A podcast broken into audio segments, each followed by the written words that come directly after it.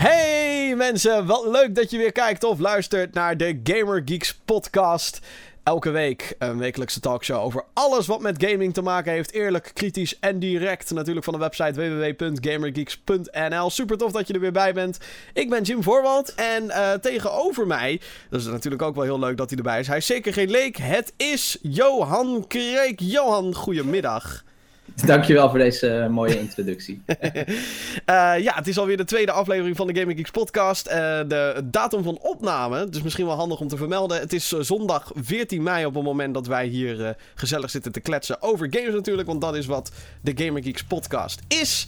En um, ja, ik, ik moet zeggen, het, het, is een, het is een hele fijne zondag om dit op te gaan nemen, moet ik zeggen. Ja, nee, het is, het is wel moederdag. Dus ik, ik weet niet of jij verder nog plannen hebt om, uh, om uh, je moeder een brunch te brengen of, of nog iets leuks te gaan doen met je moeder? Um, um. Nou ja, het, uh, lastig. nee, um, wat het, ik, ik, ik heb een verrassing voor mijn moeder. Niet, niet al te hard zeggen, voordat, voordat, je weet natuurlijk nooit wanneer ze zomaar binnen kan komen, want zo zijn moeders. Maar we gaan een dinertje doen en zo. Niet heel veel. Ah, gezellig, gezellig. En heb jij dan nog spannende plannen rondom dat hele moederdag gebeuren? Nee, nee, nee. Uh, mijn moeder die, uh, die was hier uh, vorige week al. dus ik heb toen ook al een cadeautje gedaan en ik heb wat te eten gemaakt. En het was toen al gezellig. Dus om het nou meteen een week later nog een keer te doen, dat... is een beetje overdreven. Een beetje, een beetje onzin. En, moederdag is natuurlijk voor de, voor de rest gewoon... Ja, commercieel. Het is eigenlijk Valentijnsdag, maar dan alleen voor moeders. Ja. Dus, en mijn moeder die echt ook is heel veel waarde aan. Dus wat dat betreft is het wel goed. Overigens, even heel snel off topic. Volgens mij waren wij vorig jaar in uh, Ahoy voor First Look Battlecon op moederdag. Is dat? Bedenk ik, oh bedenk ja, dat klopt, ja. Ja. ja. Ja, dat, dat, uh, dat, was een ding inderdaad, dat First Look Battlecon. Dus echt eigenlijk heel erg jammer dat daar nooit een vervolg op is gekomen. Ja, inderdaad. Ja, goed. Uh, mocht je niet weten wat het is, dit is de podcast van uh, de website Gamer Geeks. Wij maken uh, elke week weet ik hoeveel video's over allerlei onderwerpen die over gaming gaan. En deze podcast is eigenlijk onze wekelijkse talkshow. Waarin we kletsen over de dingen die gebeuren in de gaming-industrie. Oh, en nog even over dat moederdag gebeuren. Is jouw moeder een beetje een gamer, Johan? Nee. Nee, mijn moeder die weet net hoe de computer aangaat. Die heeft, zeg maar, anderhalf jaar geleden heeft leren WhatsAppen. Oh ja. Ik heb, niet, ik heb niet een hele oude moeder, maar mijn ouders zijn gewoon helemaal niet van de techniek.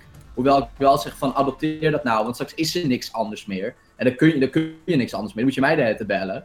Um, maar dat is gewoon een beetje eigen wijs, wat dat betreft. Een beetje ouderwets. Nou ja. Ja, nou, mijn moeder is Geen game. Absoluut geen, geen... Oh, wel, ja, het ligt maar net aan wat, wat je meetelt en wat niet. Kijk, ik vind zelf Facebook games... Telt. Nou, telt dat? Dan is mijn ma echt fucking verslaafd. Dat telt. Dat, dat is trouwens waar, zeg maar, het, uh, het gemiddelde van uh, vrouwen die gamen, zeg maar, enorm omhoog wordt gehaald. Die casual games. Ja. Er zijn meer vrouwen die gamen dan mannen die gamen. En dat komt door die casual games. Lang leven Candy Crush, zeg maar. Exact, ja. Verschrikkelijk. Um, ja, en uh, verder was het natuurlijk ook een beetje het weekend van het Songfestival. Jij hebt daar helemaal niks mee volgens mij. Nee, ik, uh, ik, uh, ik heb het wel allemaal voorbij zien komen op Twitter. Ook heel veel mens, mensen in mijn tijdlijn, waaronder jij natuurlijk, maar ook gewoon andere mensen die dat dan toch aan het volgen zijn. En dan denk ik van, ik denk, ik weet niet of ik dan iets mis of zo. Want vorig Je mist jaar echt hebben we iets. met z'n allen zitten kijken bij Vincent. Je mist En verdomme... toen gingen jullie helemaal uit je dak. Ja. Ja, nee, ja, want wij werden toen... eh, nou ja, we worden eigenlijk elk jaar worden we een beetje genaaid als het gaat om die votes. Maar je mist Yep. gewoon, je mist gewoon de, de, de Epic Sex Guy mis je gewoon, joh. Nou, maar die heb ik ook voorbij zien komen. Ja. De nieuwe. Nou, dat soort shit, dat is Songfestival. Ja. Klinkt fucking vet. Klinkt echt fucking vet. ja, nee, serieus. Dat is echt vet. Ja, nee, ik, eh, ik, ik, vind, ik vind het elk jaar echt weer een feestje. Maar ja, dit jaar zijn we weer... eh, we hebben gewoon weer een, een messteek gekregen van België. En ik word daar zo langzamerhand een beetje moe van. Elfde No- zijn we geworden, toch? Ja, ja, nou ja, goed, op, in dat opzicht eh, deden we het prima. Maar ja, Songfestival en, en nog één klein off-topic dingetje. Ziek zijn is echt kut. De vorige podcast begon ik met al... nu voel ik me godzijdank een stuk beter. Die werd ook gesponsord door Kleenex, toch? Ja, een beetje, een beetje dat idee, inderdaad. Maar, maar eh, het, het is echt zo kloten, want als ik ziek ben, Dan zou je... Heel veel mensen zeggen dan... Oh ja, nee, ziek zijn is super chill. Want uh, hè, dan hoef je niet naar je werk. En dan uh, kan je lekker serietje kijken. En een beetje gaan gamen. Maar als ik ziek ben, ben ik niet eens in staat om normaal een game te spelen. Heb ik ook. Uh, dan kan ik ook geen televisie kijken. Dan voel ik me gewoon zo kut. Ik wil gewoon alleen maar liggen in de feutushouding en gewoon hopen dat ik gewoon snel in slaap val en het voorbij is. Ja, precies. Het ziek zijn dan, hè. Ik bedoel, het andere klinkt wel heel fatalistisch. Het ziek zijn voorbij is. Ja. Johan, wat heb je allemaal meegemaakt de afgelopen week? Uh, nou, eigenlijk niet zo, niet zo heel veel. Um, ik ben uh, met vrienden door de laatste DLC van Dark Souls aan het uh, heen hakken. Oh god. Of nou ja, een poging aan het doen om daar doorheen te hakken.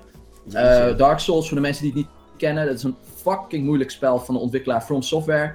die heeft ook Bloodborne gemaakt en dat spel staat gewoon onbekend dat het gewoon hardcore moeilijk is. Uh, laatste DLC is 28 maart uitgekomen, geloof ik, The Ringed City. Ja, daar proberen wij nu doorheen te komen. Je kunt een soort van multiplayeren met elkaar en dan kun je dus elkaar een beetje doorheen slepen. Of dat is het idee. maar het lukt nog niet echt. Um, dus dat heb ik gedaan. En ik ben heel diep de Netflix weer ingedoken. Want mei is echt, ja, maar mei is echt fucked up. In mei hebben we dus een nieuw seizoen Love, Master of None, House of Cards House en of fucking Cards. Yo. Het is gewoon, het is echt bezurk wat er allemaal uitkomt op Netflix. Dus ik heb toevallig gisteravond heb ik Love zitten afkijken. Dat ik dacht, oh, ik ga nog een aflevering kijken. Toen was het al weg. Love is een comedy van Judd Apatow. Die kun je kennen van Bridesmaids, Knocked Up, For the Year Old Virgin. Oh, en ja, mijn ja. persoonlijke favoriet, nog steeds, Superbad. Fucking grappige film. Als je die nog niet gezien hebt, Ga dat dan doen, alsjeblieft. Uh, en uh, Master of None, wat ik eigenlijk een beetje wilde bewaren, omdat ik dat ook een hele leuke serie vind, waar ik nu al op aflevering 5 zit, is van uh, Aziz Ansari. Dat is een Indische stand-up comedian eigenlijk. Je kunt hem ook kennen uit een andere comedy-serie, Parks and Recreation. Maar die heeft dus een eigen Netflix-serie gekregen. en dat is een soort van semi-autobiografisch grappig gebaseerd op zijn leven. Hij is een acteur en hij probeert daar een beetje ja, aan de bak te komen, maar dat lukt helemaal niet. En wat het leuke is aan zowel Love als Master of None is dat het een comedy is zonder lachbandje. Dus jij bepaalt zelf of je het grappig vindt of niet. En uh, het is dus niet, uh, ja, hoe zeg ik dat zonder denigrerend te klinken? Het is niet die simpele humor, zeg maar. Er zit, er zit wat een, een diepere laag in. En ik, ik vind beide series echt heel tof. Oké. Okay. Dus ik kan het aanraden. Ik, uh, ga, ik, ga alleen maar, ik ga alleen maar wachten totdat House of Cards uitkomt. En uh, ondertussen ben ik mezelf uh, in de depressie aan het werken schijnt. Want 13 Reasons Why is toch wel fucking goed gewoon. Ik zit pas bij... Ik, ik heb pas drie afleveringen gezien. Ik weet dat ik achterloop, maar... Heb je gehuild? Heb je al gehuild? Nee, dat nee, is de, nee, dat is de grote vraag. Nee, nee, nee, nog komt, niet. Komt wel. Ja, komt wel. gaat dat komen? Ja, oh my god. Ik, ik, ik, ik had het bijna. En ik haal niet heel snel bij, bij uh, televisie of bij film. Maar ik zat echt op het randje. Ik dacht, die scène moet nu stoppen. Johan kreeg in tranen? Ja, Wat is die dit? Die scène moet nu stoppen. Ja, maar het is de combinatie van uh, de vertelling, het beeld en de muziek die erbij aangezet Ik moet wel wordt. zeggen dat het weer echt... Dat je er... Na één scène al zat ik er helemaal in, in dat uh, 13 Reasons Why. Ja, het is, het is echt, heel uh, goed. Mocht je, niet mocht je weten wat het is, waar de fuck ben je geweest de afgelopen maand of zo op internet. maar het is dus een serie die is geproduceerd door Selena Gomez. Nou, popster natuurlijk. En uh, lekker wel. Lekker. Um, maar die zou dus eerst uh, de rol van Hannah Baker spelen. En het gaat dus over een tienermeisje wat zelfmoord heeft gepleegd. En die laat allemaal bandjes achter. Een, een, een, een doos vol met cassettebandjes. En iedereen die iets te maken heeft met haar. Hè, Suicide, een van de redenen ja. waarom zij. Ja, 30 Reasons Why. Hè, een van de redenen. En, en zo'n guy vindt dus aan het begin van die serie. Vindt dus die doos met die bandjes. En gaat dus al die bandjes af om uiteindelijk dan zichzelf ook te horen. Want iedereen die die bandjes krijgt, is een reden. En iedereen weet dus ook soort van van elkaar van... Oké, okay, wij hebben allemaal die bandjes geluisterd en gehoord.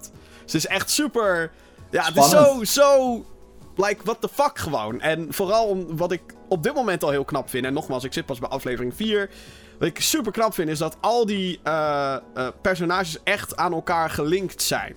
Op een logische manier. Dat is ook logisch, want ze zitten allemaal op dezelfde middelbare school, maar... Ja, Ja, het nou, voelt goed. niet gekunsteld inderdaad. Ik snap wat je bedoelt. Ik moet Dus- wel even zeggen, eh, ik vind, ik vind dat we dat wel een klein beetje verplicht zijn. deze serie is zeg maar niet voor de tere zieltjes. Oh nee, absoluut Daar niet. waarschuwt Netflix zelf ook mee. Ehm, als, je, als je moeite hebt met dit soort onderwerpen, dan Ja. kun je het misschien beter vermijden. En met dit soort onderwerpen bedoel ik eh, zelfmoord, eh, verkrachting, eh, misschien ook wel heel hevig gepest zijn. Ja, cyber, cyberpest is inderdaad een, eh, een onderwerp wat meteen al in de eerste aflevering eh, flink naar Ja. boven komt. Eh, en dat ja, het, het, het, het, het is natuurlijk wel hè, American teen drama.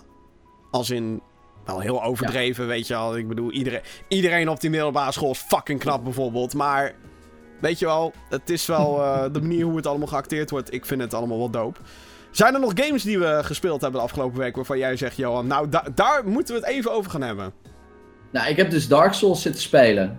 Oh, dat of was nou ja, ik, ik spelen, ik noem het niet spelen. Ja, en ik heb nog een beetje ukulele zitten spelen. Eh, Ik ben druk bezig met de review op dit moment. Ook wel handig om te weten misschien. Oh jee. Eh, dus ik heb nog een beetje ukulele zitten spelen. En voor de rest was het eh, best wel rustig. Ik zit, ik zit een beetje te wachten op, op een aantal games. Ja, ik ben echt Dus, in, een, ehm, ik ben in een weerwar aan. Ik ga weer van het ene, de ene game naar de ander, naar de, naar, naar de volgende. En, en zo ja, hop ik een beetje tussen al die, al die dingen in. Dat is eigenlijk altijd wel een beetje mijn, mijn MO geweest. Eh, Mhm. Ik heb heel lang weer aan Prey zitten, zitten klooien. Maar goed, daar gaan we het zo meteen nog over hebben. Want Prey is awesome. Mensen. En ehm, ik heb The Last Guardian uitgespeeld afgelopen week. Eindelijk. De Mhm. review daarvan. De review daarvan, die eh, kan je binnenkort verwachten. Het wordt niet bepaald een, eh, een zoetsappige recensie, kan ik je vertellen. En Nee. ehm, ik heb gisteravond, afgelopen nacht... Het is nu echt, ik ben net wakker. Like, what the fuck. Nacht eh, eh, hebben we nadat we het Songfestival hebben gekeken... hebben we met een groepje Outlast 2 zitten spelen. En Outlast 2 is een horror game... ehm, gemaakt door dezelfde gasten van Outlast 1, de. En dat is een beetje eh, Slender, maar dan evolved. Als dat veel, veel, veel logica maakt. Ja, ik heb de eerste niet gespeeld. Ik ken, ik ken het concept wel. En ik ken ook het concept van Outlast 2. Eh, ja, het lijkt me een fucking enge game. In de meest positieve zin van het woord. Ja, ik, ik moet een beetje zeggen dat ik tot nu toe ehm, een, een beetje teleurgesteld ben. We zijn door de eerste Ja? twee uur heen, denk ik. Alhoewel, we hebben er best wel veel moeite eh, ehm, mee om er doorheen te komen. Zeker omdat je in een grote groep zit en dan ziet iedereen... Oh, ga daarheen! Oh, ga daarheen! En dan, nou ja, paniek. Ehm, maar ja, het is, het is weer zo'n horror game waarin je niks tegen je kan doen. Of je kan jezelf niet verdedigen, bedoel ik. Je Dus kan alleen maar vluchten. je kan alleen maar vluchten en verstoppen en dat is het. Ja. En eh, zeker na Resident Evil 7, waarin je gewoon een, een, een mes krijgt en een geweer en dat soort dingen. Ik weet niet of we daar inmiddels klaar mee zijn met dat soort horror games. Dat je weer zo. Oh nee, er komt iemand achter me aan. Ik ga rennen en verstoppen. Terwijl je ook gewoon. Als je logisch nadenkt, er zijn heel veel glazen objecten om je heen. Of houten planken. Of een schep. Of een hooivork. Of whatever. Het is in zo'n hilly-billy dorpje. Is, eh, is Outlast 2. Met allemaal. Van super... Texas Chainsaw Massacre-achtige setting. Ja, ja, een beetje Ja. van die super fanatieke, overdreven. eh, oh, God, oh, eist het bloed van de. Weet je, dat soort, dat soort eh, mensen zitten erin. Maar dan denk ik ook van. eh, Wat zou jij doen als je in die situatie is? En je ziet daar een schep. Je ziet een schep daar. Dan pak je toch die schep en dan ram je mensen daar kapot mee. Ik, ik weet niet, het, het, het is een beetje geforceerd eng daardoor. Omdat je niks kan doen. Maar er is geen reden waarom je niks kan doen. Want je speelt als een, een, een, een, gewoon een guy. Waarschijnlijk rond de 30 of zo. Dus die is, heeft geen, geen beperking of zo. Waardoor die niet zou kunnen vechten. Ja, nee, maar het- hè, weet je. Nee, maar het is gewoon meer, meer een interactieve beleving. Nou ja, of juist min- minder interactief eigenlijk. Dan dat, dat het echt een game is, begrijp ik. Nou ja, je moet wel echt verstoppen. en Je moet ze echt vermijden. En eh, hè, die gasten gaan dan ehm, in zo'n voorafgeschreven route... gaan ze met zo'n zaklampje schijnen. Dan moet je dat natuurlijk zien te vermijden. En dat, dat was het wel. ehm, en dat merkte ik ook in die groep. Want er zijn al mensen die hebben geen idee wat ze aan het doen zijn. En dan, hoe, als ik eh, gewoon dit blijf proberen, dan lukt het wel. Terwijl de game heel erg duidelijk wilt: oké, hier moet je ondergaan. En dan vervolgens moet je een hoekje om, want daar lopen ze niet. En als je dan vervolgens daar het hoekje omgaat, dan komt uit die deur komt die volgende gast uitlopen. Weet je, het is zo'n hele uitgestippelde route die er soort van in zit. Een route die je eigenlijk zelf alleen maar kan verpesten door ze te waarschuwen of door zichtbaar te zijn of, of whatever. Dus ik, het ziet er wel fucking mooi uit, Outlast 2. Het is wel echt dat ik denk, hoe de fuck hebben ze dit voor elkaar gekregen? Die lichteffecten en... Ja, ik heb het gezien inderdaad. Het is echt wat... Eh, eh, daarvoor vind ik het wel dat ik denk, ja, dat is, dat is te gek. Alleen verder, ja, weet ik niet. Moet ik het nog maar afwachten hoe, hoe vet die game wordt. En verder, uh, we mogen het er eindelijk over hebben. Althans, als het goed is. Quake Champions. Quake is een, een first-person shooter franchise. Gaat al sinds 1996 uh, gaat dat, gaat dat mee.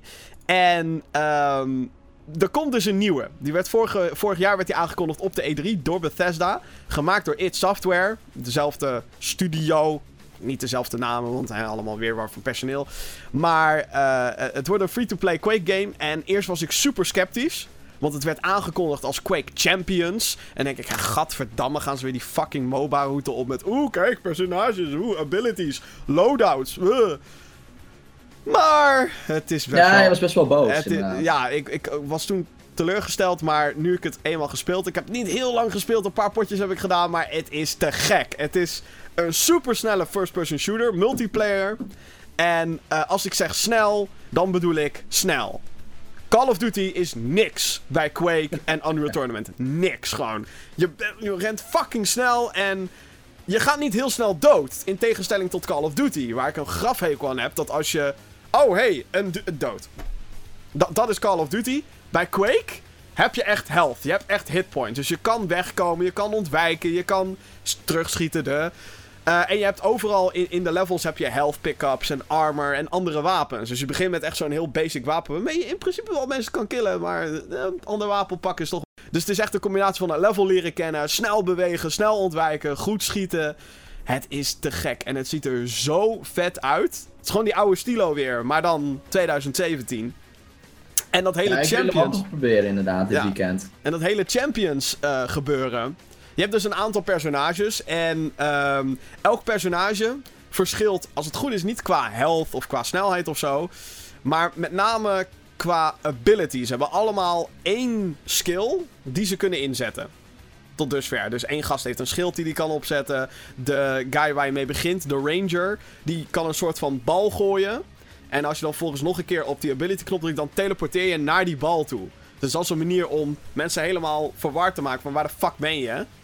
Uh, en dan is er ook een guy die kan een soort van gif uitspugen. Nou, daar moet je een beetje een keuze in gaan maken. Maar het is wel. Uh, het, had, het had voor mij weer dat oldschool gevoel van de oudere Quakes en Unreal Tournaments ook. Een beetje hetzelfde eigenlijk.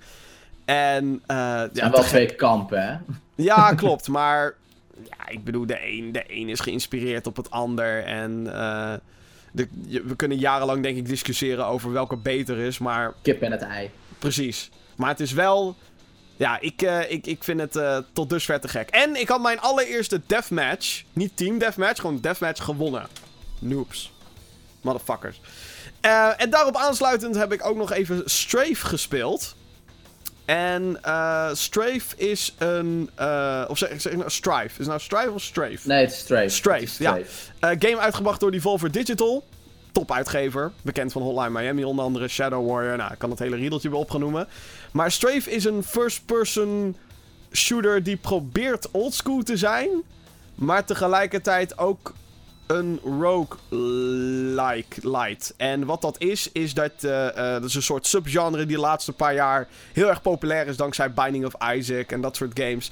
Uh, het principe daarvan is, is dat je een game start en als je dood bent, ben je dood. Dan moet je overnieuw beginnen. Maar tijdens zo'n run, zoals dat dan genoemd wordt, tijdens een pot, kan je wel allemaal upgrades verzamelen. En het heeft een klein beetje geluksfactor en een beetje een gokfactor. Van, oh, als ik deze kist open voor zoveel geld, die je dan verzamelt in de game, eh, krijg ik dan een, eh, een goede upgrade of krijg ik echt een ding waardoor je hele beeld fucked up raakt. Weet je, dat idee moet het zijn, maar ja, ik ben, ik ben niet zo super enthousiast of zo. Het, probeert oldschool te zijn door allerlei Minecraft-achtige graphics te hebben. Maar het ziet er niet uit als een shooter uit de jaren 90, want die zagen er heel anders uit. En uh, de muziek is wel te gek trouwens. Maar ja, ik, ik weet het niet zo goed met deze game. Ik zat een beetje van, ja, welke kant wil je nou op? Wil je nou oldschool? Of wil je nou... Een, hybride. Ja, een hybride roguelite-like zijn. Want er zijn wel een soort van upgrades, maar niet heel veel. Je, je begint maar met één wapen.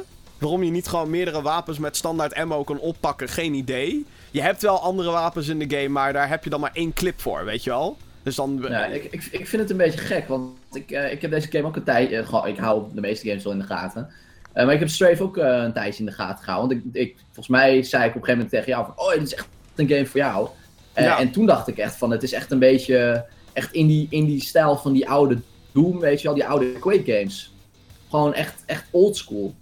Uh, dus ik, ik moet zeggen dat, dat als, als ik die trailers bekijk, uh, dat die game zich ook zo verkocht heeft.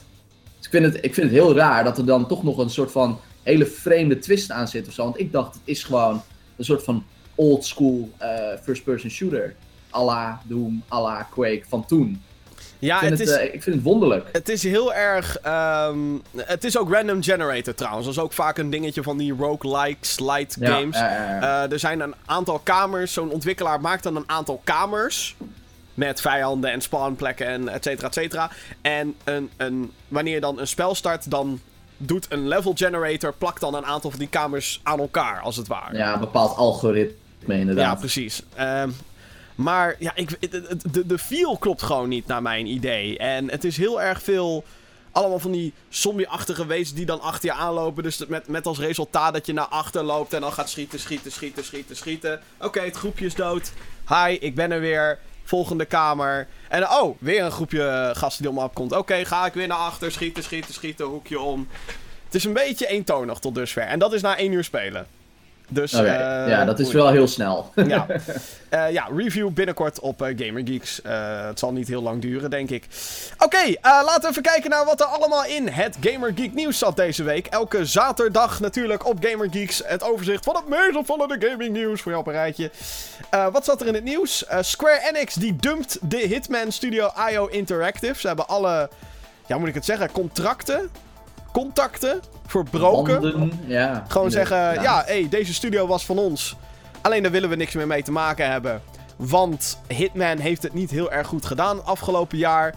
Ook niet zo heel gek natuurlijk, want... Wie uh, wil hem hebben? Ja, nou ja, ook dat ja, ja, ja, ja. Um, want uh, zij hebben dus een soort van statement uitgebracht van... we zijn op zoek naar investeerders die deze studio willen overkopen. Is natuurlijk de vraag, de eerste vraag. Was het wel verstandig om IO Interactive te dumpen? Want, oké, hun vorige Hitman game was niet super succesvol. Maar door wie komt dat? Want welke ontwikkelaar heeft zoiets van... Ja, laten we een game... Want mocht je dat gemist hebben... Hitman, de reboot dus van afgelopen jaar... Werd opgesplitst in episodes. Waarom? Geen idee. Ik had er zelf zoiets van... Oké, daar ging mijn interesse voor deze game. Ik weet wel waarom, overigens omdat Life is Strange goed scoorde, zeker? Nee, ja, nou ja, dat, dat, dat kan één verklaring zijn inderdaad. Maar uh, uh, wat, wat ik uit diverse interviews uh, uithaalde, was dat, dat het de ontwikkelaar meer tijd gaf. Dus het spel was als ja. geheel was het eigenlijk nooit af. En ze hebben het dus echt ook gewoon vanuit game design hebben ze het ook de hele tijd opgebouwd uit episodes. Waardoor het dus heel behapbaar werd. Oh, rustig, sorry. Rustig, rustig! Waardoor het dus heel behapbaar werd om, uh, uh, om die game te maken. Omdat het gewoon per episode was. Dus de, de, de scheduling en hoe dat dan afgemaakt wordt, was voor die ontwikkelaar veel makkelijker. Maar ja, uh, voor een consument kan dat verwarrend zijn.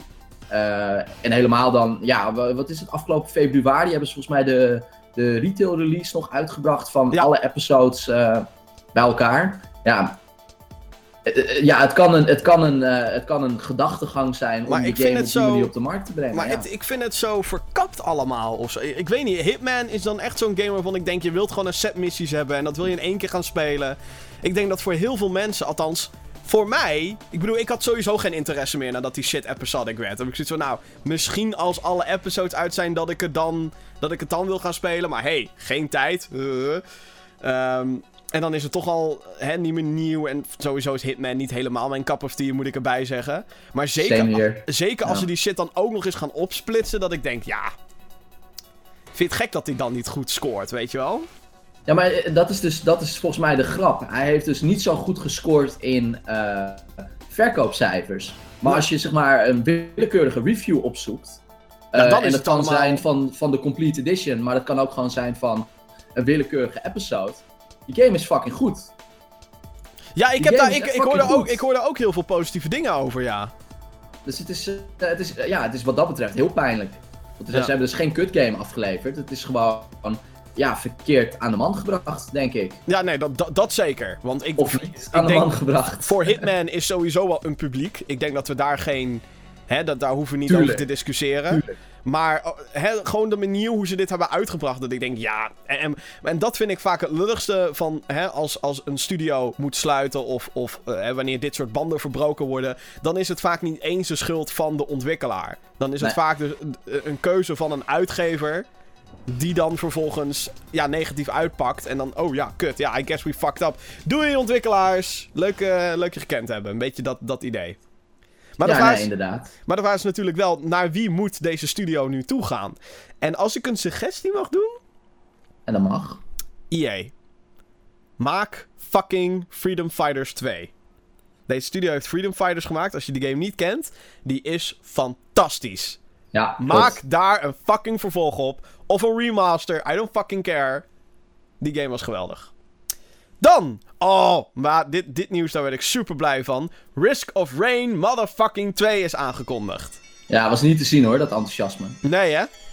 Risk, Nee. Risk of Rain is zo'n roguelike ook, waar we het eerder over hadden. Dus dat is meteen al tof. Het is zo'n eh, random generated met eh, items en upgrades die je wel of niet moet verzamelen. En eh, het is gemaakt door een hele kleine studio, Hopo Games heten ze. En als je die game nog eh, eh, in een Steam sale of zonder Steam sale, I don't care, ga die game spelen. Het is 2D, het is super stylish, super science fiction. En die soundtrack is fucking awesome. Super goed spel, wel heel moeilijk. Dus, maar je, er is een easy mode. Helemaal top, dan kan je er nog doorheen komen. Moet een beetje je ding zijn, toch? Dit soort games. Nou ja, wat, wat tof hier ook aan is, is dat het echt iets van acht characters heeft of zo. En die spelen allemaal compleet anders. Dus het, is, het is echt. Uh, en gewoon de stijl ervan. Uh, ja, het is wel pixelachtig 2D. Maar het is echt zo'n big ass world. En het, ja, ik, ik, ik, al vanaf moment 1 dat ik dit speelde. En dat was toen op aanraden van Arjan. Die je kan kennen van uh, arjan.org, YouTube kanaal. die zei, nou ja, nee, je moet je spelen, Jim. Is leuk. En toen ben ik dat gewoon een keer gaan doen. En toen, oh shit, oh shit. Het is gewoon zo'n zo, zo verslavende game. En ja, komt wel dus weer een gym game. Ook. En um, er komt dus een deel 2 van uit. Of althans, die komt eraan. Die hebben ze aangekondigd op een, op een uh, developer. No What the fuck? Oké, okay, er kwam even... er kwam een guy doorheen. What? No money? nou, als je die inderdaad niet hebt, dan uh, uh, moet je wachten op een Steam sale. Maar er komt dus een deel 2 aan. Deel 2 van Risk of Rain. Hey. Nou, leuk voor de mensen die erop zitten te wachten. En die gaat 3D worden. Wat best wel gewoon een compleet ander format in één keer is. Dat is uh, gewaagd. Ja, overigens ook nog een tip. Uh, deze ontwikkelstudio heeft ook Deadbolt gemaakt. Die game is ook te gek. Dus Review op www.gaminggeeks.nl Exact. Het, uh, het is zo goed. Zo goed wat die gasten doen. Is, met heel weinig maken ze heel veel. En ja, dan als laatste nieuws. het Overwatch eSports is een beetje in de, in de shit. Want uh, er zijn een aantal teams die hebben zich teruggetrokken uit de game. Grote teams met veel geld en veel naamsbekendheid. Uh, die hebben gezegd: nee, we doen niet meer mee aan die Overwatch League. Want Blizzard zou naar. Hè, naar verluid van game websites en dat soort dingen. Zouden zij 20 miljoen dollar vragen om mee te kunnen doen aan de officiële Overwatch League. Nou, dat was voor heel veel teams te veel geld. Klinkt gek, maar ik zie daar wel wat in. Uh, en uh, dus uh, zijn er een aantal teams hebben zich nu teruggetrokken. En Blizzard heeft nu een statement gemaakt van... Nee, wij, wij willen alles doen om Overwatch eSports zo leuk mogelijk te maken. Um, ja, dat. Ja, ik, ik, ik, ik het verbaast me een beetje. Want Overwatch is volgens mij sowieso nog steeds een van de best verkochte games. Gewoon überhaupt. Die game die verkoopt nog steeds. En die game wordt heel veel gespeeld. Uh, dus ik zou denken dat uh, dat hele e-sports, dat dat juist levensvatbaar moet blijven om die hele game ook een beetje uh, in leven te houden. En ik zou ook denken dat Blizzard eigenlijk al genoeg verdient aan Overwatch. ja. En uh, dus niets van die abominabele bedragen hoeft te vragen. Nou ja, om, om maar mee te moeten doen, aan die, om, om maar die licentie te kunnen dragen. Ik moet, het echt uh, bizar. Ik moet even mijn complimenten geven aan uh, een Nederlandse website Game Sensor. Die hadden namelijk uh, een, een, hele goede vergelijking getrokken. Uh, League of Legends, zo'n dergelijke league. Ik bedoel, dat er, Ja, dat er een licentie betaald moet worden, dat is er- ergens wel logisch. Want als team promoot Klopt. je jezelf van... hey, wij zijn het, team achter... of eh, hè, wij spelen Overwatch en dit is hoe goed we zijn. En dan gebruik je natuurlijk beelden van de game, bla bla bla bla. Ik vind eigenlijk dat daar in principe geen rechten over betaald hoeven te worden. Maar goed, weet je wel, je promoot jezelf er wel mee en je verdient je geld ermee. Dus dat er een licentie betaald moet worden, oké. Maar de League of Legends pro's, een aanzienlijk grotere game, zeker in Azië... daar moet je 1,6 miljoen betalen. Ja, Als je dat vergelijkt met 20 miljoen dollar, what the fuck. tel uit je winst. Ja, nou, zeker. What Dus ja, the fuck. Daar gaat zeker, ik ga, daar gaat denk ik nog wel wat in veranderen, want Blizzard, ehm, ja, ik bedoel, als, al je, als je hele pro of als je hele e-sports divisie eh, in elkaar stort, Blizzard heeft daar best veel geld in gestoken. En, eh, Ze hebben notabene een hele arena gebouwd in Japan, hè? Gewoon Ja. een Blizzard Esports Arena. ja, maar Ik hun bedoel, e-sports shit is echt te gek. Ik I bedoel, know. als we het gaan hebben over, like, de beste game aller tijden. Dat is te gek. Heroes of the Storm esports is fucking gruwelijk. Terwijl er heel weinig mensen naar kijken. Eh, te- nou ja, heel weinig. Nou ja, als je het gaat vergelijken met League of Legends, dan stort. eh, hè, dan is HOTS helemaal niks. Maar Nee, nee, dat ook gewoon hè, het commentaar bij zo'n Heroes of the Storm esports ding. En als je een beetje in die game zit, zoals ik met Heroes of the Storm, ik speel het elke fucking dag. Ja, dan is, dan, is, dan is het heel leuk om naar te kijken. Maar als er geen goede pro-teams meedoen, dan heb je er niks aan. Nee, dat klopt. Dus ja, die balans moeten ze nog een beetje vinden, denk ik. Zonder, zonder eredivisie, geen competitie. Ja, tenzij de Toto-divisie meetelt. Nee, precies. Oh ja, het is trouwens wel een goede vergelijking inderdaad. Het is alsof eh, eh, inderdaad Ajax en Barcelona zeggen... wij doen niet meer mee aan de Champions League. Doei! ja, is toch raar? Ja, precies. Oké, eh, maar naast het eh Gamer Geek nieuws gebeurde er nog een hele hoop meer. Ehm, en, en ja, ik, ik moet zeggen... Het is af en toe een beetje speculatie. Zeker als het gaat om Ubisoft. Maar ja, Nee. eh, hier hadden wij van de week nog een discussie over, Johan. Want, want wat, er- wat is er aan de hand met Ubisoft? Eh, ik, ik, je moet me even helpen, want we hebben wel vaker discussies. Eh, ja, zeker. Het gaat over Far Cry. Oh ja, ja, ja, ja. Even kijken. Volgens mij was het die week ervoor dat er een, een screenshot of zo werd gedropt op een of andere Twitter of Facebook pagina van Ubisoft. Reddit waarschijnlijk. Met die Franse tekst van, eh, eh, ken, je, deze nog? Ja, oh ja, ja, Far Cry. Ja, daar hadden we het, voor- Far Cry 3, daar hadden we het vorige week nog over. Over Precies, een, een dat, dat was dat eiland dat geshaped is als een soort van skull. Eh, en toen, eh, nou ja, toen draaide dus de geruchtenmolen van... Hey, komt er een, een remake van Far Cry 3 voor eh, de nieuwe consoles? Wat op zich niet zo'n raar ding zou zijn. eh, als je ook denkt aan eh, de Xbox Scorpio en de mogelijke PlayStation 5. Ik bedoel, remasters die, die, die komen nou eenmaal als eerste uit voor nieuwe consoles. Dus het is niet, het is niet een hele rare stretch. Toen zei ik nog, eh, misschien komt die shit wel gewoon... Gaan ze wel terug naar dat eiland of zo? En doen ze daar Far Cry 5. Eh, maar nu, eh, deze week, zouden er geruchten zijn dat, Far Cry 5 een western game wordt.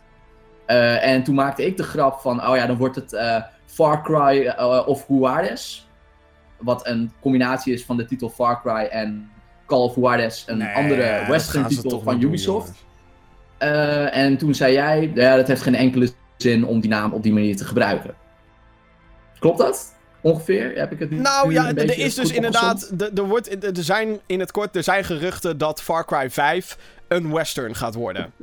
En eh, wij hadden dan inderdaad de discussie: waarom zouden ze dat in godsnaam doen? Want ze hebben dus inderdaad die Call of Juarez franchise. Die niet zo goed verkoopt. Als een Far Cry. Nee, klopt. Maar wil je dan de naam Far Cry gaan vervu- vervuilen, tussen aanhalingstekens, met een thema? Hè, Far Cry Primal, daar hadden heel veel mensen al zoiets van... Waarom heet dit Far Cry? En dan ga je het spelen en is het... Oh ja, Far Cry. De, eh, het was gewoon letterlijk Far Cry 4, maar dan in een, in een prehistorisch eh, sausje. Wat ik wel prima vond. Maar om dat dan hetzelfde te gaan doen met een western thema... Ten eerste zou dat denk ik niet werken. En ten ik bedoel, we hebben Far Cry 3 gehad, Far Cry 4. Uh, daartussendoor natuurlijk nog dat Blood Dragon DLC-ding. En, nu hebben we, vet. en nu hebben we Primal gehad. Een spin-off. Maar daarna verwacht je toch wel een deel 5. Die een beetje de, het traject van de vorige vier Far Cry's. Ik bedoel, het zegt niet dat er niks veranderd mag worden. Maar een western verwacht je dan niet, denk ik. Nee, klopt. Ja, ik vond het wel grappig. Jullie hadden het op een gegeven moment over een, een prequel met Vaas. Ja, als, dat... Als Far Cry ik heel tof vinden. Dat zou, dat zou ik, fantastisch ik heb zijn. Zo, ik heb niks met westerns. Uh, dat, dat komt... Ja, ik weet niet waardoor door, door dat komt. Ik heb toen uh, wel een keer Gun gespeeld. Uh, een best wel oude game. Oh ja, ja die uh, vind je nog overal voor de Xbox en Gamecube en PS2. Met die, met die gele hoes. Ik vond dat best wel een toffe game. maar ook bijvoorbeeld Red Dead Redemption. Ik weet dat het fantastisch is, maar het is gewoon, nou, hoe, hoe jij dat net zei, het is niet my cup of tea. Far Cry vind ik heel tof. Uh, ook, uh, ook gewoon de, zeg maar, de normale delen. Primal heb ik niet gespeeld. Blood Dragon is fantastisch. Die moet ik nog spelen. Um, Slecht, hè? Ja, ja. Call of Juarez, ja, dat vind ik dan dus toch weer minder. Gewoon door, door de stijl. Dus ja, ik, ik, voor mij hoeft het niet. En volgens mij komt er al best wel wat western shit aan. Red Dead Redemption 2 komt eraan. Ja, maar dat, uh, dat, dat je... bedoel ik dus. Heus ga je uh, zelfmoord plegen aan je franchise ja. door en Far Cry ineens naar het Wilde Westen te gaan. Waarvan iedereen zoiets heeft van, je hebt... Want heel veel mensen weten ook gewoon, je hebt toch Call of War... Waarom heet... Net zoals dat die ene Call of Juarez game toen ineens naar de moderne tijd ging. Dat iedereen zoiets ja, had van, uh, waarom de fuck doe je dat? dat hè? Maar... maar dat. En dan heb je ook nog eens de concurrentie van Red Dead Redemption 2. Wat je nooit gaat winnen. Nooit. Ik wou zeggen, je mag het eigenlijk geen concurrentie noemen, want no way, Ubisoft kan dat niet bijbenen. Dat, nee, uh, gewoon dat no is een drama. Dan way. krijg je zo'n Battleborn Overwatch situatie. Exact, ja. Alsof Battleborn ooit een kans had tegen Overwatch. Nee. Ha nou ja, ik bedoel, het, het, Battleborn is echt het meest trieste verhaal ooit, vind ik. Want die game zelf is op zich best leuk. Ja, su superleuk. Alleen, Alleen gewoon verkeerde moment. Verkeerde moment en verkeerde marketing. Want als je inderdaad gaat concurreren in je marketing tegen no, fucking man. Overwatch, Yeah. dan, uh, ja, dan gaat het fout. Dus dat moet je niet doen. Um, en, uh, even kijken, wat gebeurde er nog meer? Uh, oh ja, Assassin's Creed. Dat was het. Ja. er is een screenshot kennelijk gelekt van een, een nieuwe Assassin's Creed game. En... Ja, leuk. Hebben we het dan over dat schip? Ja, dat uh, kleine schipding. En uh, ja, dat moet kennelijk. Moet dat. Assassin's Creed gaan worden. Ik ben benieuwd. Het zou Origins gaan heten. Het zou zich afspelen in Egypte. Die geruchten die uh, gaan al jaren bekend uh, mee. Ja. Uh, ik heb er zin in. ik denk dat we bij de E3 gewoon meer gaan leren over. Of dat we meer gaan te weten komen over een Far Cry. Dan wel Assassin's Creed. Ja, Assassin's Creed komt net voor de E3. Denk ik. Want op de E3, Ubisoft heeft altijd de, de trend om daar dan een soort van te doen, weet je wel, op het ja. einde. Uh, dus ik denk dat uh, Assassin's Creed, dat ze, die, dat ze al voor de E3 een momentje pakken. Dat doen ze eigenlijk elk jaar. Um, en dat ze dan op de E3 inderdaad de eerste gameplay laten zien bij ja, dat is bij, bijna altijd PlayStation natuurlijk. of zo, zoiets. Ja, en op Ubisoft Stage zelf. Ja, ik ben, ik ben wel heel ben benieuwd, hoor. Dat lijkt me wel lachen. Want normaal is, worden dit soort dingen vaak al in maart of zo bekendgemaakt. Syndicate werd ook ja. al in maart al. Februari, maart, klopt. En dus de, of ze zijn er heel traag mee, of ze wachten inderdaad net voor de E3 die over drie weken is. Nou, een maandje, maandje. Uh, en dan, uh, dan gaan we echt alles te weten komen. Overigens, over Ubisoft gesproken, breng die fucking South Park game nou eens een keer uit. Want dat begint ook al uh, te lang te duren. Dat is ook wel een pijnlijk verhaal aan het worden, inderdaad. Ja. Dan uh, Remedy Entertainment. Uh, bekend van Max Payne. De oudere Max Payne games die fantastisch zijn. Yep. En uh, Quantum Break, die zijn bezig met een nieuwe third-person game. Dat werd ja, een soort van bekendgemaakt en, en dat soort dingen. Um, ik, moet, ik moet heel eerlijk bekennen. Oké, okay. even één ding. Ik hou, niet Oh. van, ik hou niet van klagen op, op, op conculega's, om het maar zo te noemen. Maar kunnen we met z'n allen kappen met bullshit woorden te gebruiken op nieuwswebsites, zoals cinematisch? Ik las dat overal van de week. Makers Quantum Break, bezig met cinematische third-person game. What the fuck is cinematisch? Wat betekent dat? Dat is toch geen woord? Nou, het, is, het, is, het is wel een woord, maar het wordt een beetje... Het, uh, het is een woord dat gebruikt wordt om, om een bepaald gevoel uh, op te wekken. En in dit geval is het denk ik Cine bedoeld... Wanneer zeg jij in, in, in, in, in, nooit, in, volksmond, zeg maar, wanneer zeg jij tegen iemand... Dit ziet er echt cinematisch uit?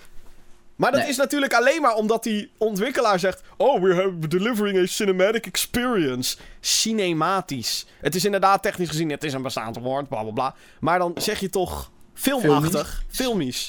Ja, ik, ja whatever. Inderdaad. Nee, ik vind, het, ik vind het ook een raar woord om te gebruiken. En daarnaast vind ik het ook geen goede... een filmische, een filmische ervaring. Daarnaast vind ik het ook geen goede slang verder. Nee. maar ik, eh, ik ben wel heel benieuwd wat Remedy aan het doen is hoor. Want ze, ze hebben inderdaad... Uh, ze hebben aangekondigd dat ze multiplatform gaan. Dat is sowieso een ding. Ja, sowieso. Uh, Alan, Alan, Wake en uh, Quantum Break, dat waren Xbox titels. Of Windows, hè, whatever. Um, waardoor PlayStation gebruikers zoiets moois als een Quantum Break gewoon gemist hebben. Was dat mooi? Nou ja, ja, of je de game nou wel of niet tof vindt, dat, dat is een beetje in het midden. Uh, maar ik vind wel dat Remedy altijd wel iets nieuws probeert te doen. jaren geleden natuurlijk met Max Payne. met, met die bullet time en zo, dat hebben zij een beetje bedacht.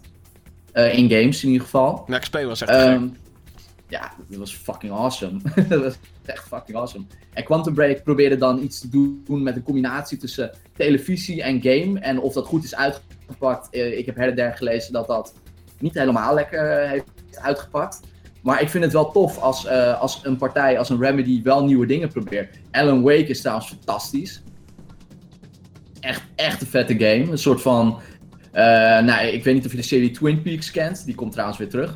Uh, maar het heeft een beetje dat sfeertje. Een soort van verlaten stadje waar allemaal shit aan de hand is. En waar jij met een soort van bijna alleen een zaklantaarn ja, gewoon de boel loopt te verkennen. En dat is toch die game waarbij, uh, waarbij monsters helemaal gaan doen als je uh, een zaklamp op ze schijnt. Ja, ja, ja. ja, ja, ja. eigenlijk had het gewoon de nieuwe Alone in the Dark moeten heten. Alan, eigenlijk wel, maar Alan Wake is echt, is dat echt daar nooit, Dat daar nooit echt een vervolg op is gekomen, hè? Maar ik, dit is het probleem met die studio. Uh, na Max Payne hebben ze alleen maar projecten gehad. Waar, die heel lang duurden voordat ze uitkwamen. Heel veel opbouwen. En oh ja, dit wordt de shit. En dan komt het uit en dan.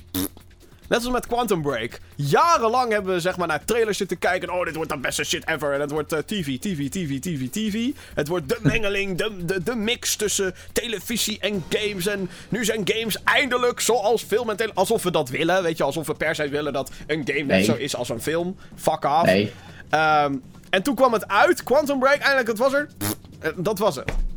Ja, maar dat is natuurlijk een, een, een onderdeel van het probleem. Maar, maar dat komt niet alleen maar. ook gewoon een hele kleine afzetmarkt. Ja, maar dat komt. Wie, wie heeft Quantum Break gespeeld? Nou ja, ik, ja daarna, nadat Quantum Break uitkwam. Uh, nadat Quantum Break uit. Ja, oké, dat is een goeie.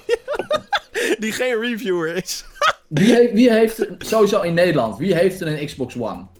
Ja, in Amerika is de Xbox One wat daar groter. Gaan, daar gaan we het zo meteen nog over hebben, over hoe dat nou zit met die Xbox One. Sorry, dat was een bruggetje te snel. Ja, iets te snel. Maar ja, dus hou die gedachte vast in ieder geval over de Xbox. Dan, uh, ja, jij had uh, iets over, over Alan Wake ook. Ja, ja, ja. ja. Nee, Wat is er aan de hand? Dat is wel een mooi bruggetje. Over Alan Wake gesproken. Uh, dit is jouw laatste kans om Alan Wake nog te kopen in de Xbox Store of uh, op Steam. What? Uh, want er, er, zijn wat problemen met de muzieklicenties voor, voor Alan Wake. Precies.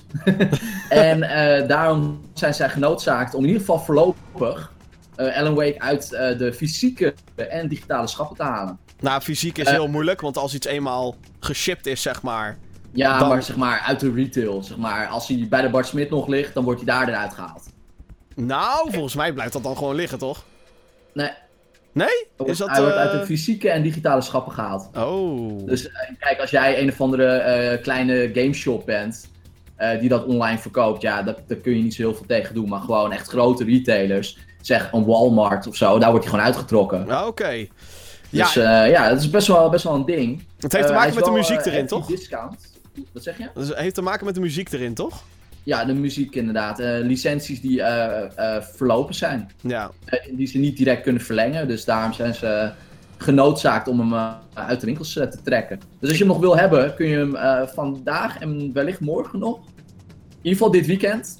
Hangt er beetje vanaf waar de, hè, de ja, wanneer, wanneer je luistert, ja Precies. Maar het is... Eh, eh, om hem nog eventjes eh, te kopen. de kans is dus heel groot dat als je dit nu aan het luisteren bent, dat het, dat het te laat is.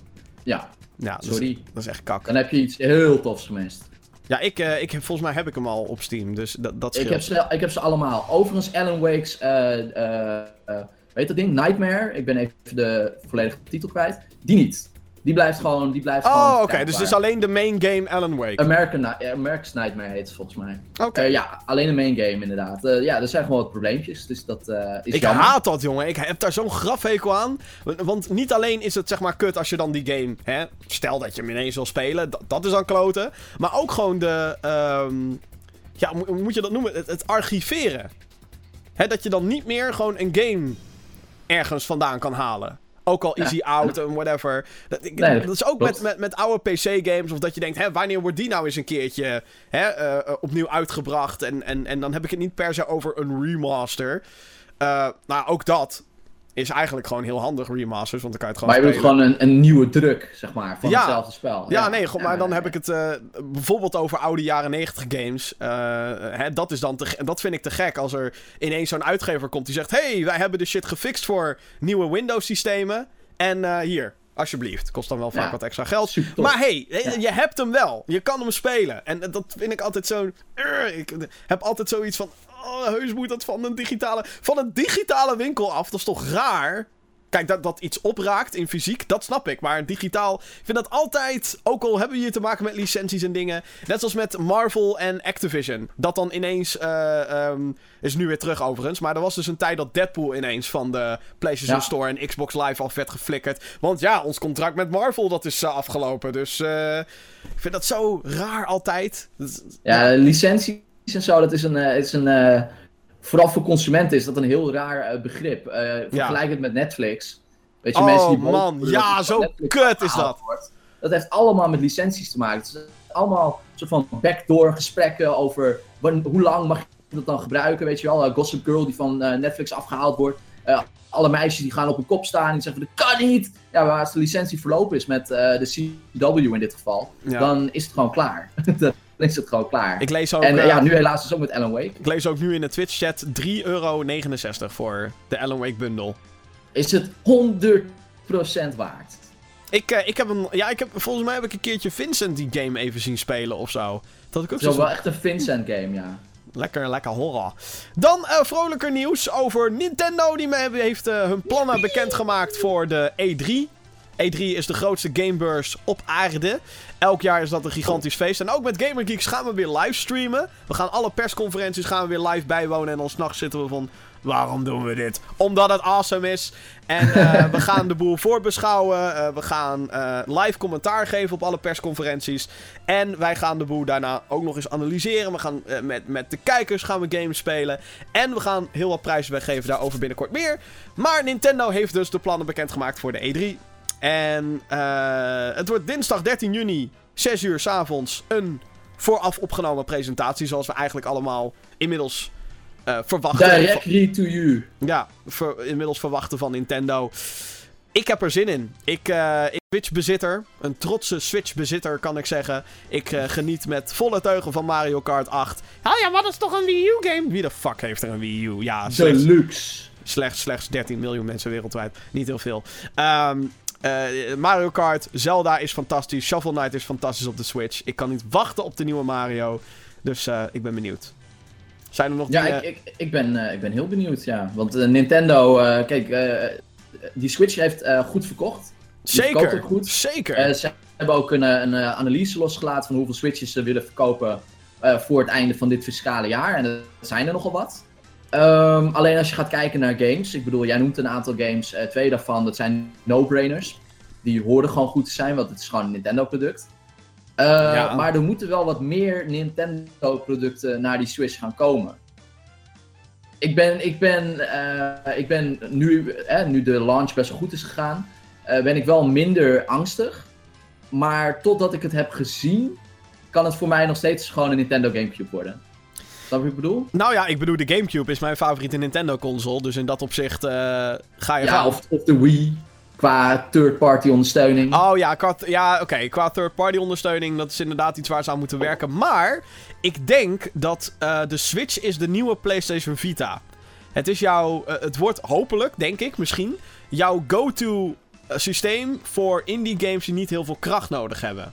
Ja, Unity. zoals uh, Unrisk of Rain bijvoorbeeld. Of Mr. Shifty, die nu best wel populair is op de Switch. Uh, Shovel Knight. Toen ik hoorde dat Shovel Knight naar de Switch kwam, had ik zoiets van: die game heb ik nooit gespeeld. Dit is het platform waar ik het op wil spelen. Want je kan het thuis op de bank doen, je kan het meenemen. En dat is te gek. Die combi is, is briljant.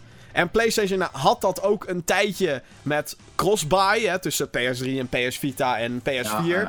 Eh, en dan ook met de cloud. Dat je, als je dan een save upload, dat je dan op je PS3 of PS4 verder kan waar je was toen je onderweg was met je Vita. Nou, briljant concept. De Switch is eigenlijk hetzelfde, maar dan veel simpeler. Want je doet gewoon je Switch in dat dokje. En dan kan je op de televisie verder spelen.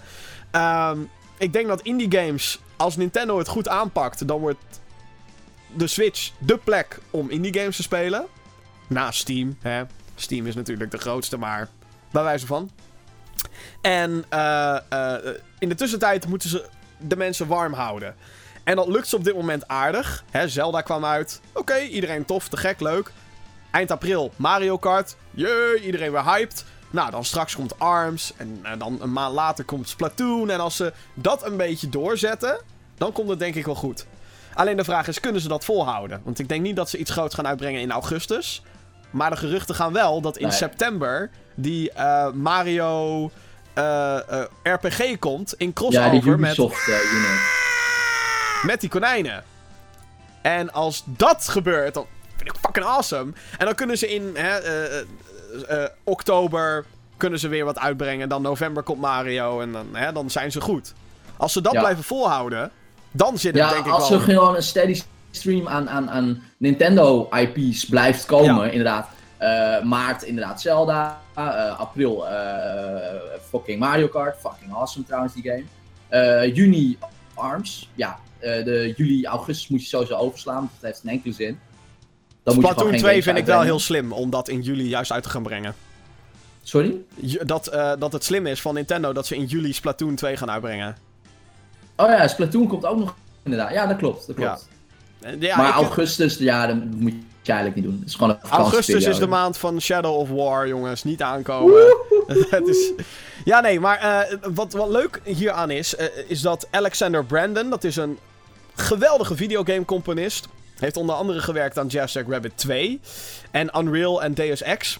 Die heeft via zijn Facebook heeft hij soort van aangekondigd, slash aangegeven. Jongens, ik werk nu bij Retro, project waar ik uh, echt te gek, en, maar ik mag er niks over zeggen. En Retro is een studio die heeft Metroid Prime gemaakt en Donkey Kong. Country Returns, specifiek.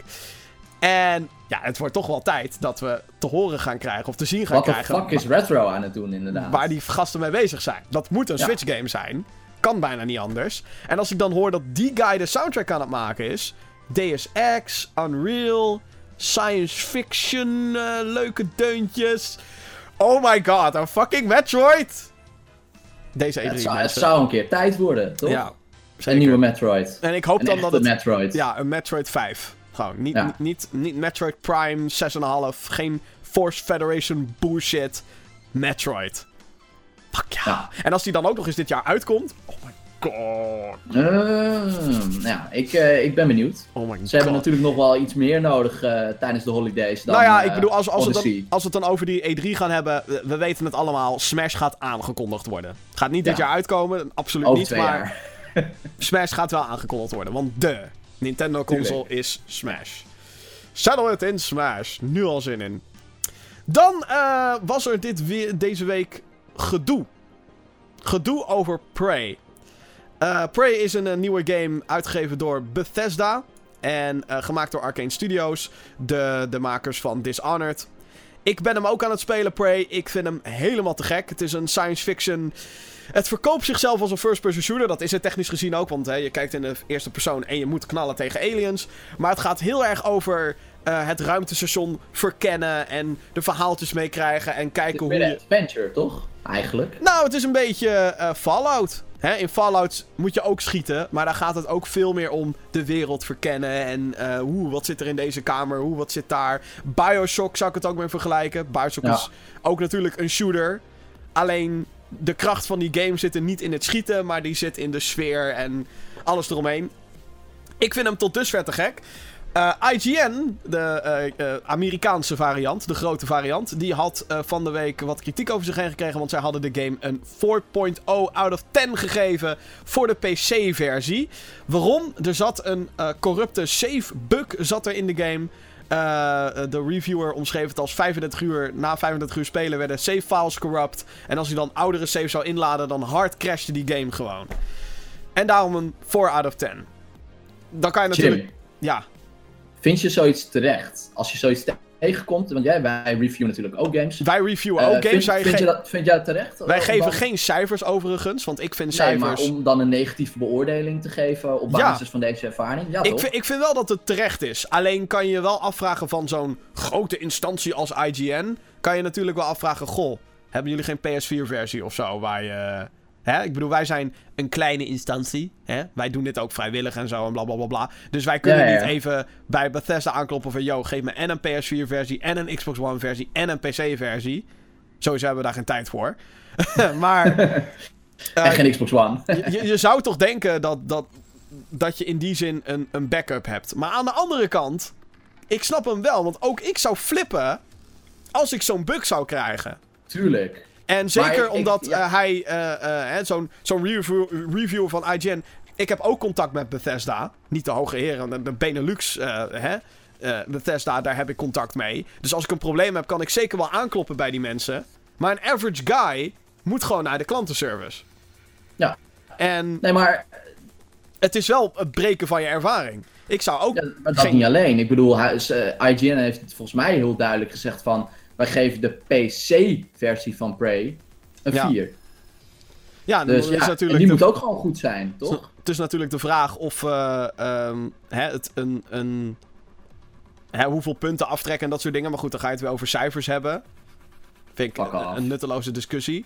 Ja, dat gaan we niet ehm, doen. en het is, ja, ik vond het heel interessant dat ze daar zoveel shit over zich heen kregen. Want ja, als het inderdaad niet uit te spelen is, en dan kan je zeggen, ja, maar PC is heel variabel. Geen fucking excuus gewoon. Want je kan ervan uitgaan dat zo'n IGN-reviewer op een goede PC gewoon die game speelt.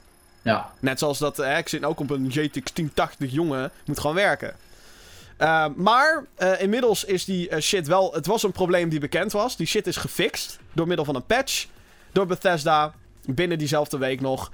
En nu heeft IGN ook zijn review bijgeschroefd van een 4 naar een 8 out of 10.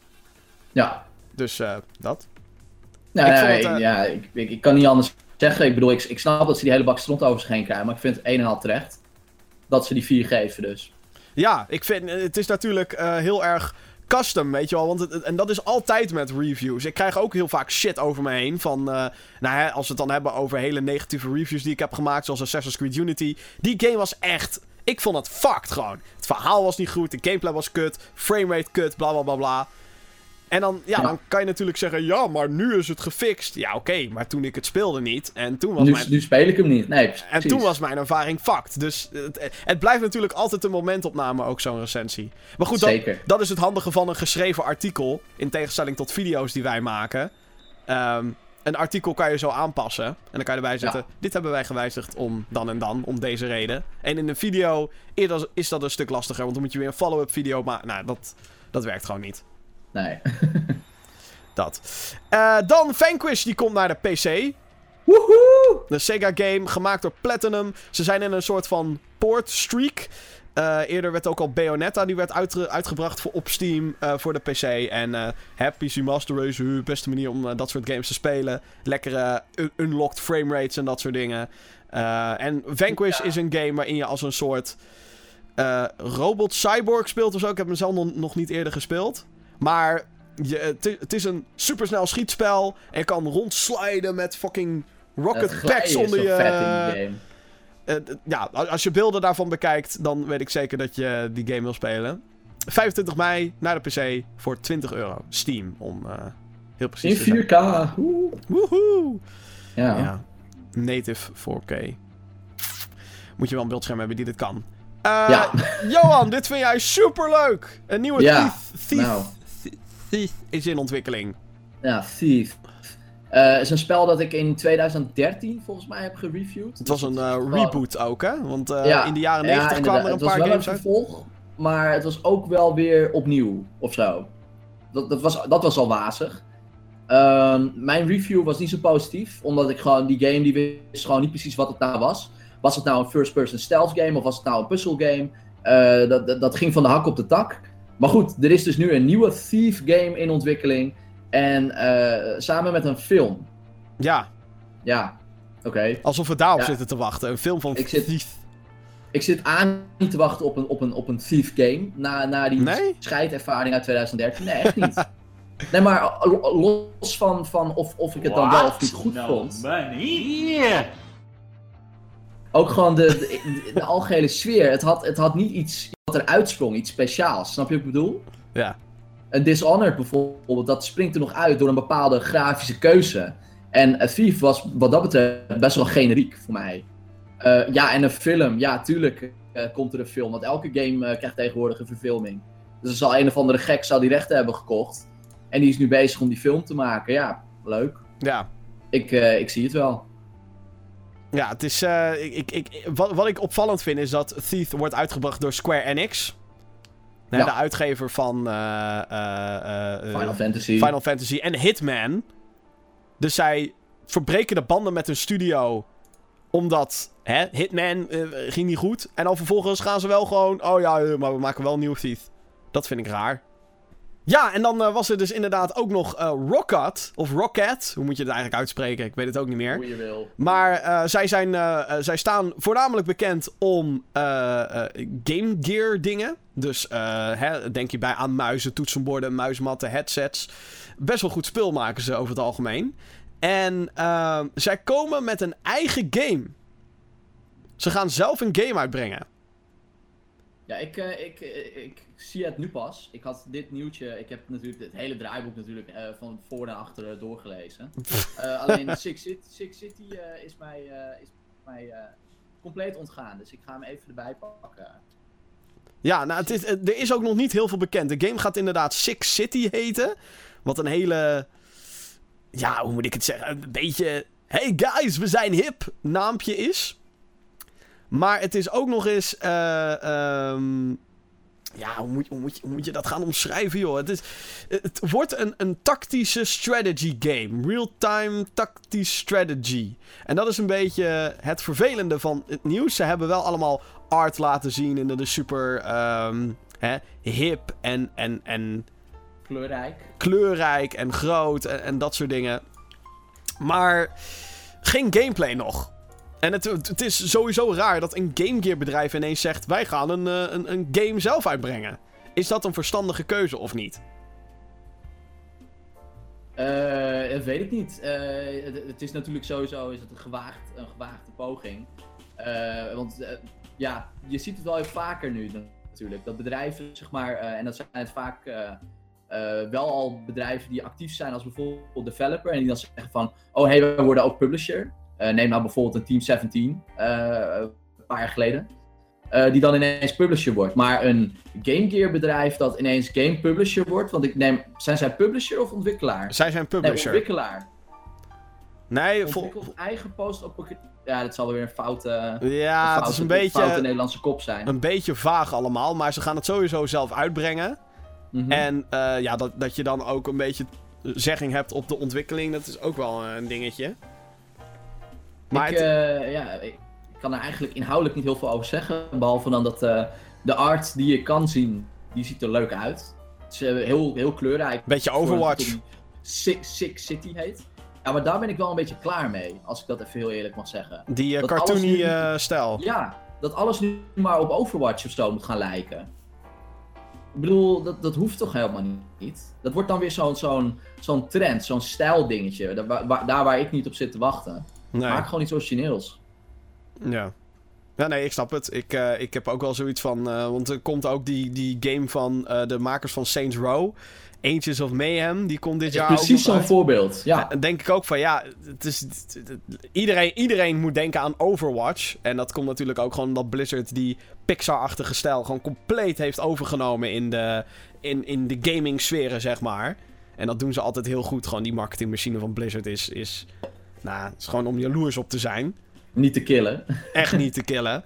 Uh, en zeker als je dan een, een, game in een beetje dezelfde stijl gaat maken, dan ben je meteen een rip-off natuurlijk. Maar ja, zeker omdat het een, een, een.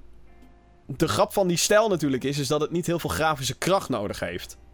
Terwijl het er wel nee, tof uitziet. Het kan een trucje zijn, inderdaad. Ja, terwijl het er wel heel goed uitziet en he, heel. Ik bedoel, ik zeg niet dat Overwatch lelijk is. Ik zeg alleen wel dat het niet heel veel. Uh, je hoeft geen uh, GTX 1080 videokaart hier per se te douwen om dat te kunnen draaien. Nee, en dat geldt bij heel veel van de games. Dat is slim. Ja. Dat, er kunnen meer mensen jouw spel spelen. Alleen ik ben gewoon. Er zijn ook andere manieren hoe je dat kan doen. Je kan ook gewoon weer echt cel-shaded gaan. Waar zijn de echte cel-shaded games? Dat was ook zo'n trend. Oh man. dat is nu ook weg. Dat is helemaal weg, ja. Maar misschien. Maar ik, ik denk ook dat kleuren zijn nu weer hip. Ja. Kleuren in, in, in AAA-games en zo. Want hè, ukulele super kleurrijk, hartstikke leuk. Dan Overwatch, super kleurrijk, super leuk. En nu zie je weer steeds meer mensen toch wel meer kleur. Hè? We willen weer dingetjes zien in plaats van één, één kleur die heel erg overheerst over uh, een heel spel. Wat zeker Mag bij... weer allemaal wat vrolijker en wat gezelliger. Ja, maar ook gewoon meer variatie in kleur. Ik ja, denk, ja. In Battlefield 1 viel me dat ook al op. Dat dat veel meer Hè, de kleuren poppen meer. Als het ware. Ja, het is wat vibranter inderdaad. Ja, in eh, plaats van... Uh, dat fletsen. Want daar waar Battlefield 4 dan eigenlijk één grote grijze waas over zich heen had... is Battlefield 1 al veel meer... Oh, hé, hey, we zijn nu daadwerkelijk in een woestijn. En het ziet er warm uit. En dan kom je vervolgens in een... Eh, op een berg met, met groen. Nou, het, het is een trend die ik uh, zelf een beetje aanmoedig. Maar wat Six City exact gaat zijn, hoe het gaat spelen, ik heb ook geen flauw idee. In juni begint de alpha. Een gesloten alpha voor die, uh, voor die game. Dus we gaan het meemaken. Spannend. Dan uh, gaan we naar de mail podcast.gamergeeks.nl. Dat is het mailadres waar jij jouw commentaar kwijt kan. En mag ik ook dit moment gebruiken om iedereen echt te bedanken voor de feedback op de podcast tot dusver. Uh, sowieso te gek dat er zo mensen mailen. Dat mensen iets willen weten of een vraag hebben of whatever. Blijf dat vooral doen. Podcast.gaminggeeks.nl En uh, ja, te gek gewoon jongens. Echt uh, helemaal, helemaal cool. Um, ik begin even met de gevaarlijke 1990. Die stuurde een mailtje. Wat vinden jullie van Kettle and Crops? Ik vind het er wel mooi uitzien. Misschien iets voor Vincent. Haha. Ga ze door. Ja, zeker. Ik kijk jullie al best lang. Uh, ik wist eigenlijk niet wat dit was totdat ik het dus ging googlen. Het is eigenlijk Farming Simulator, maar dan... Door, door Belgen. Ja, ja. Het is eigenlijk, uh, ja, dat. Het, het, is, het, is, het is een Farming Simulator die nog realistischer schijnt te zijn. En nog, nog mooier en nog meer, nou ja, van dat soort dingen. Ja, en van Belgische makelij dus. Ja. Als ik het goed, uh, als ik het goed gezien heb. Ja, wel grappig. Uh, ik denk dat er. Uh, kijk, met, met zo'n succes als Farming Simulator ga je gewoon zien dat er, dat er knock-offs komen.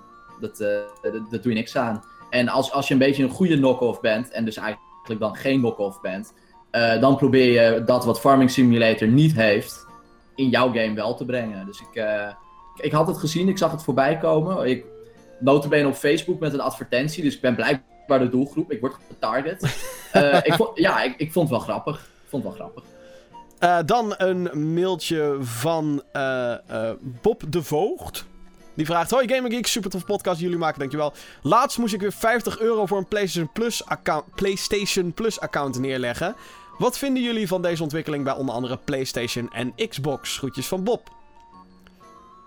nou ja, ontwikkeling. Ik bedoel, dit doen we al een tijdje volgens mij. PlayStation Johan?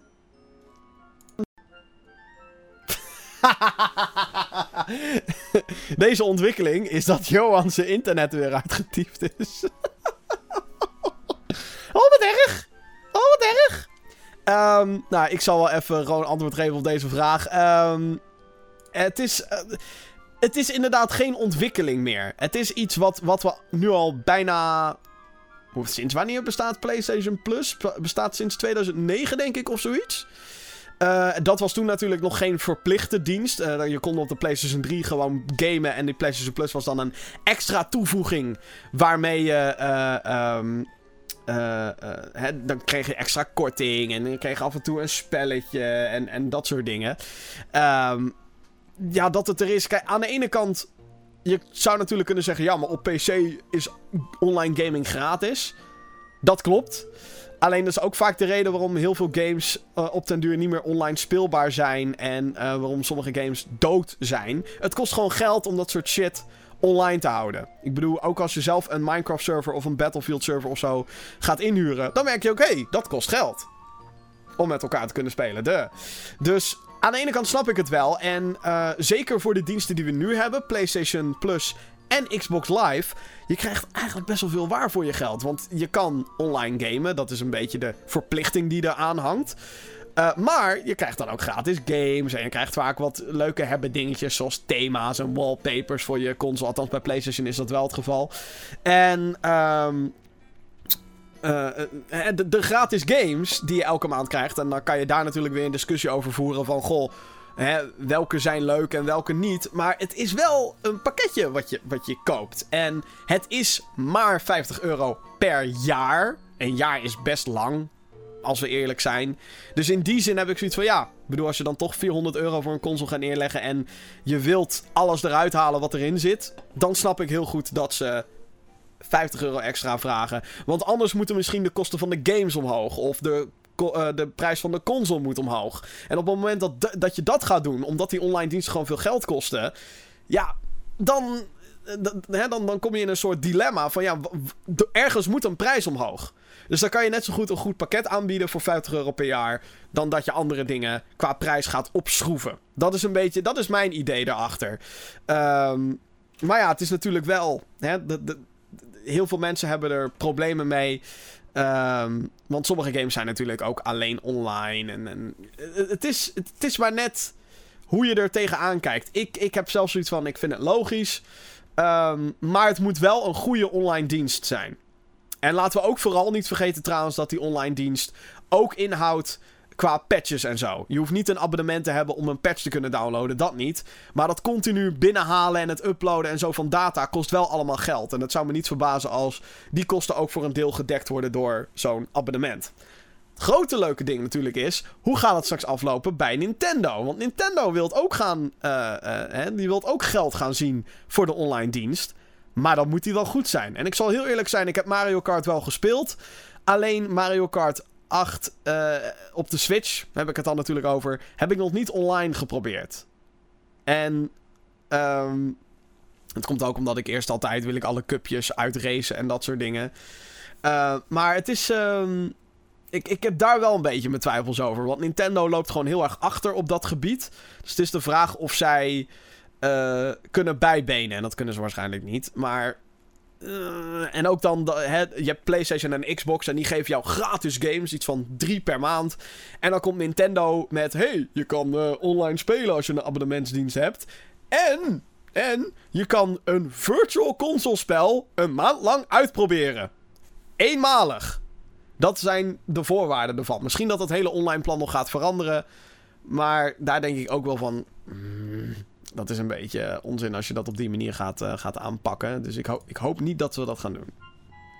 Terwijl ik nog wacht totdat Johan weer verbinding heeft. Ga ik gewoon door naar het volgende mailtje, want uh, waarom niet? Even kijken. Matteo die heeft gemaild. Hoi Gamer Geeks, ik heb een vraag voor jullie. Want meestal doen we deze podcast met meerdere mensen. deze vraag luidt, zouden jullie je top 10 games op willen noemen? En zo ja, waarom die bepaalde games? Ik denk niet dat we nu nog een hele uh, top 10 moeten gaan doen. Sowieso is dat iets wat ik echt nog wil bewaren voor een goede video. En uh, moet, moet, een leuke aanleiding moeten voor zijn. Ik kan wel zeggen wat mijn favoriete game is. En dat is uh, Diablo 2. Dat is mijn favoriete game aller tijden. Ik vind de sfeer te gek. Ik vind de, de online interactie die er toen was. De game is best oud inmiddels. Deel 2, 1999, 2000. nou, 17 jaar oud. Sowieso. Ehm, dus online is het nou bijna niet meer te spelen. Want als je nu een. Het, het, is nog online trouwens. Dat is wel cool van Diablo 2. Maar als je dat nu gaat doen, dan krijg je meteen een bot binnen die zegt: Oh, koop gold, koop gold, koop gold. En dan pleurt hij weer op. Ehm, maar. Voor de rest vind ik die game te gek. Het verhaal is tof. De, de, de, de, de sfeer, de muziek en de personages. Want Diablo 2 is een RPG. En de Necromancer is te gek. Dat is een, een guy die kan gewoon uit lijken een, een skelet laten herreizen van... Jij gaat nu voor mij vechten. En als je die skilltree helemaal upgrade... dan uh, heb je op een gegeven moment gewoon een leger van skeletjes achter je aanlopen. Slacht, motherfuckers. Het is echt te gek is dat. Diablo 2 is uh, zeker mijn, uh, mijn favoriete game aller tijden. en ja, bij andere games die nog in mijn lijstje staan... dat is nog even de vraag. Ehm... Eens even kijken wat voor mailtjes er nog meer binnenkwamen. Uh, ja, Erik, die heeft echt een heel lijstje gestuurd met, uh, met, uh, met dingen. even kijken, moet ik een leuke vraag. hey, beste Gamer Geeks, van de podcast echt een geweldig idee. Thanks. misschien zouden jullie een van deze onderwerpen willen bespreken. Ehm, er zijn drie onderwerpen. Ik laat het even aan Johan over. Johan! Hallo? Hey, ja, je bent er weer. Jezus. Kijk, ja, ik heb je ook op beeld. Hey. Hallo. Ik weet zit, ik nog, zit ik nog goed? Ik heb nu maar mijn deur opengelaten in de hoop dat het wifi-signaal beter Je zit op wifi? Vind je het gek dat we geen normale podcast kunnen, kunnen, kunnen opnemen? Ik heb nooit problemen op zondag. Alleen op vrijdag. Om kwart voor negen. Altijd. Oh, is er dan maintenance of zo? Wat is, wat is ik, eh, er is dan een signaal dat mijn signaal weer verstoort. En uh, het signaal wat het verstoort is tot op heden niet gevonden. Oké. Okay. Uh, Anywho. Ja, ik, ik, ik, ik, was gewoon door alle uh, mailtjes van podcast.gamergeeks.nl was ik aan het langs gaan. Waar was je? Oké, okay, je, kan, je kan kiezen uit drie onderwerpen. Eén. VR-gaming. Mm -hmm. Microtransacties. Of grote game publishers. Please kies grote game publishers. grote game publishers? Ja. In, in welke context? Ja, nee, je moet nou gewoon zeggen welk, oh. welk onderwerp je wil. Nou, zal ik dan grote game publishers Yay! doen? Oké, okay, jou een, eh, een, een, eh, een favor te doen? Oké. Okay. Um, ehm, jullie mening over te grote game publishers zoals EA, die naar mijn idee te veel macht hebben. Oh, die mail. Ja, ja, ja. Um, want er hangt inderdaad altijd een hele negatieve sfeer rondom hè, uh, uh, partijen zoals EA en Ubisoft en Activision. Oh ja, dat zijn grote mensen. Ze zijn allemaal evil. Fuck jullie allemaal. Dat is een beetje de sfeer die er altijd omheen hangt. Um, wat ja. vind je daarvan, Johan? Uh, wat, ja, wat vind ik daarvan? het is sowieso natuurlijk geen geheim dat een een uitgever een bepaald soort macht heeft. Ja. Of lijkt te hebben voor, voor ons, vanuit de consument gezien. Uh, maar dat is natuurlijk niet helemaal waar. Want zo'n bedrijf. Ehm, je hebt te maken met aandeelhouders. Neem nou een voorbeeld: een game die te vroeg wordt uitgebracht. Omdat ze zoiets hebben van. Uh, ja, nou ja, die game die moet gewoon de winkels in. Dat ja. is niet altijd de keuze van de uitgever. De uitgever die heeft daarboven zeg maar nog de de aandeelhouders, die schieten dat geld. Die schieten dat geld voor. Voor de ontwikkeling van het spel, voor de marketing van het spel, whatever. En op een gegeven moment zeggen zij van, ja, we gaan dus geen geld meer geven. Uh, wij willen onze uh, investering terugverdienen. Ja. Uh, dus hoe je doet, doe je het. Je gooit dat, dat ding in de schappen. En we willen best nog wel iets van geld geven om daarna nog wat updates en patches en dat soort dingen te doen. Maar het spel gaat gewoon nu de winkel in. We gaan nu geld verdienen aan het spel. En dat kun je een EA niet per se kwalijk nemen. Ik denk dat uh, een voorbeeld wat we kunnen aanhalen, wat er misschien gebeurd is met Mass Effect, Andromeda. Die is ook de winkels ingeslingerd op een gegeven moment. En uh, die heeft echt een hele bak stront over zich heen gehad bij release. Over de animaties, uh, onder andere. dat het gewoon niet goed was. En dat dat product eigenlijk nooit op dat moment uitgebracht had moeten worden. Inmiddels zijn we wat, een maand, anderhalve maand verder. En zijn er diverse patches en updates geweest, ook aan de animaties. En ziet het er volgens mij nu een stuk beter uit. Ja, ik, er zijn wat comparison video's en alhoewel het verschil technisch gezien niet heel groot is, het zijn die kleine dingen die uh, de, vooral de ogen van zo'n personage ineens een stuk minder pijnlijk maken. Dat ze er niet meer zo houterig bij zitten. Ja, je zag die Pingu-vergelijkingen bij, uh, bij Launch bijvoorbeeld. dat vond ik heel grappig. Maar om, om terug te komen op dus de macht van de uitgever. Ehm, die is dus, dat is dus niet per se de uitgever die de macht heeft. De uitgever is de uitvoerder. Maar ik bedoel, ik, ik vind het altijd heel fascinerend. Want ik lees dan ook wel eens. Uh, ik bedoel, ik ben zuur over games. Maar. Nou, er zijn mensen dat ik denk: Jezus, hoe heb jij ooit nog positiviteit in je leven op Twitter? Um, en die, die lopen dan altijd als Ubisoft überhaupt met iets komt. Of een EA of whatever. Um, die lopen dan meteen te klagen. Van ja, uh, kut EA. Alles wat EA maakt is kut. En alles wat Ubisoft maakt is kut. En alles wat Activision doet, dat is kut. En ik vind, dat, ik vind dat altijd zulke onzin. Want, en dat zijn dan van diezelfde mensen die dan uh, uh, um, elk jaar Call of Duty gaan kopen. Maar vervolgens wel elk jaar weer gaan bitchen op Call of Duty. En dat is hetzelfde met Ubisoft. Ubi een, leuk voorbeeld vind ik de Assassin's Creed franchise.